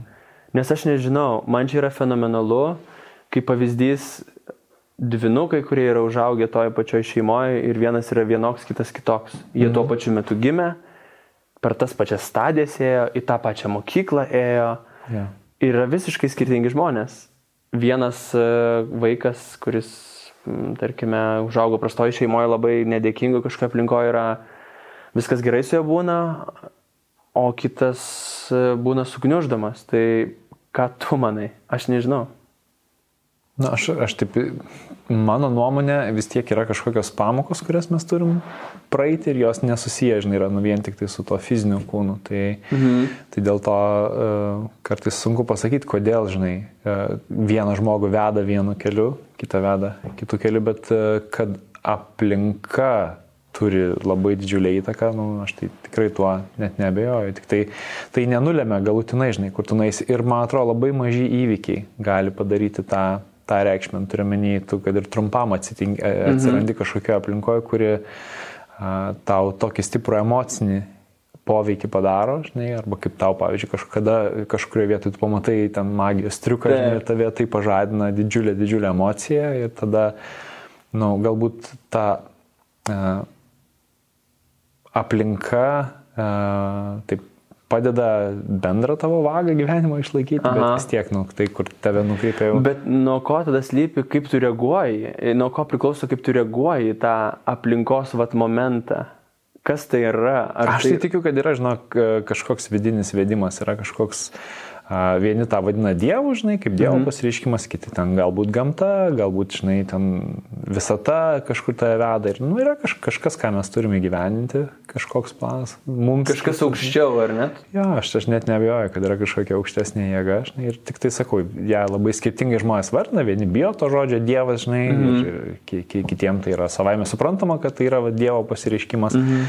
bet aš manau, kad tai tikrai yra, žinai, ir, ir, nu, ir kaip kitaip paaiškinti, kodėl, va, staiga tau susišvietė nujautė, kad magija, žinai, yra nu, tavo dalykas ir tu tą jauti, vat, kaip sakai, visų kūnų tavo ten, žinai, kažkur drugelį to vietą. Nu, kokia tikimybė, kad tai būtų atsitikę? Nu jo. Nes kaip ir toj pačioj aplinkoje tas kitas žmogus net nebūtų pastebėjęs tos magijos, o būtų pastebėjęs ten kaip šinio kamulį gulinti kažkur ir Jo, bet aš tikiu, kad aplinka, žinai, galėjo formuoti tokius dalykus, kaip pavyzdžiui, nu, tavo įsivaizdavimą, kas yra šiaip geras gyvenimas, ne? nes kiti galbūt gyvena mm, skurde, tarkim, ir jie neįsivaizduoja net, kad galėtų būti Taip. kitaip, dėl to, kad aplinkui matė kažkokį, žinai, skurdą ir jiem tai, nu, visi jų artimieji buvo tokie pat irgi. Bet aš dar, žinai, vat, um, Steve Wynn yra toks verslininkas žinomas Amerikos, kuris sukūrė viešbučių tinklą, mhm. didžiausia, vienas didžiausių pasaulio milijardierius, žinai. Ir, ir aš vat klausiau jo paskaitos, um, ne paskaitos, o vat podcast'o. Ir jam, vat, kaip sakė, užstrigo vaikystėje, kad jie buvo labai skurdų žmonės, absoliučiai. Ir jo ten miesteliai, kažkas turėjo lėktuvą, tokį mažiuką privatų, žinai, nu, dvi vietį. Mm. Ir tėvas į jį sakė, va, man tas žmogus turi lėktuvą. Aha. Ir tam vaikui taip įstrigo ir jisai, o tėvas, žinai, buvo alkoholikas. Ir sako, aš, nu, Dievas anksti mirė ir sako, nu, aš viską atiduočiau, kad pamatyčiau savo tėvo reakciją, kad, nu, Steve Winui priklauso, realiai visas Las Vegasas beveik, e, Kinijos viešbučiai, lėktuvai, nu, tursi, tas turbūt jam tai vat, kažkaip suklikino, kad tėvo va, tokia, kad jisai gal negavo iš tėvo meilės mhm. ir suprato, kad va, tokiu būdu gaus tėvo tokį dėmesį, nes va, pajuto tėvo kažkokią gal emocinę įkrovą, kad pagarbą tam žmogui, kuris turi lėktuvėlį, žinai. Ir jis, nu, vat, sakė, kad čia buvo Tarsi didžiulis. Visą gyvenimą norėjo parodyti, ne, tėvui, kad, va, ir aš. Taip, taip. Yeah. Tai toks atrodo, kaip suklikina.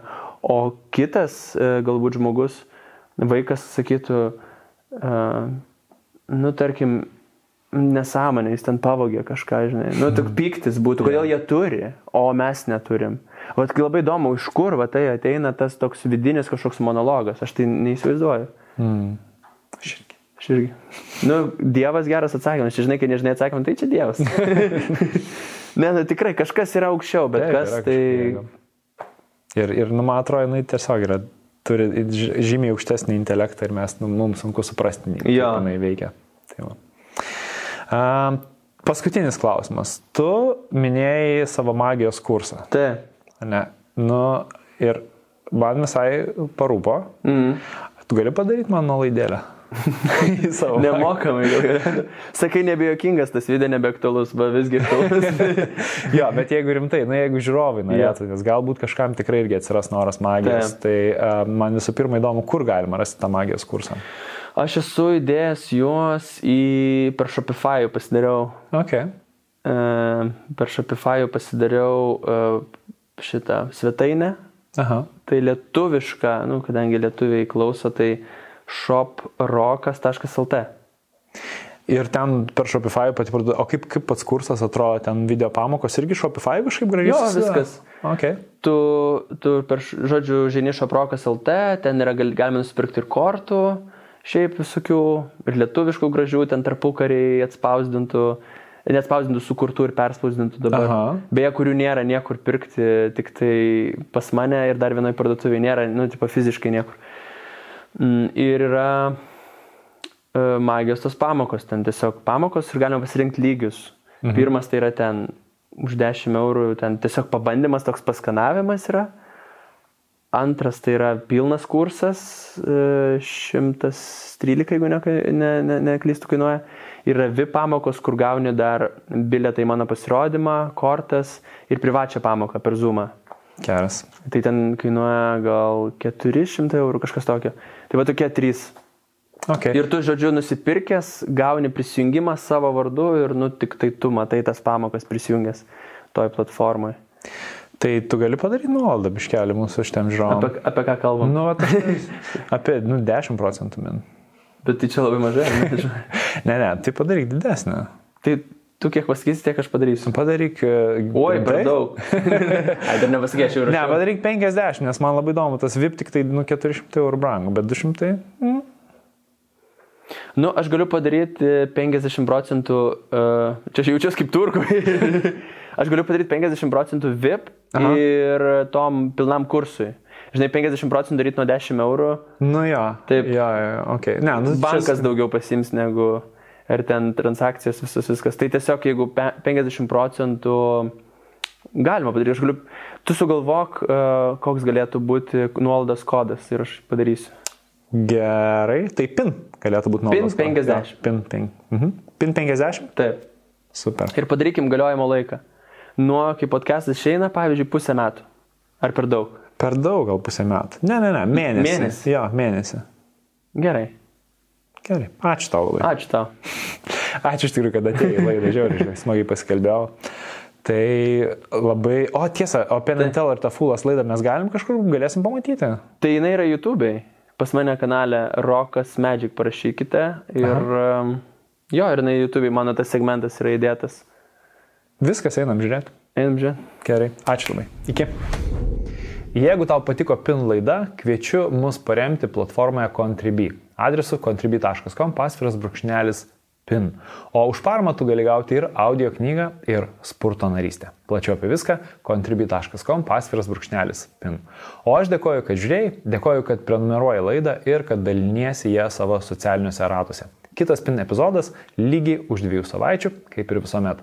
Su tavim buvau aš, Aurimas, svečiuose buvo Rokas Pernatonis ir iki susitikimo lygiai už dviejų savaičių.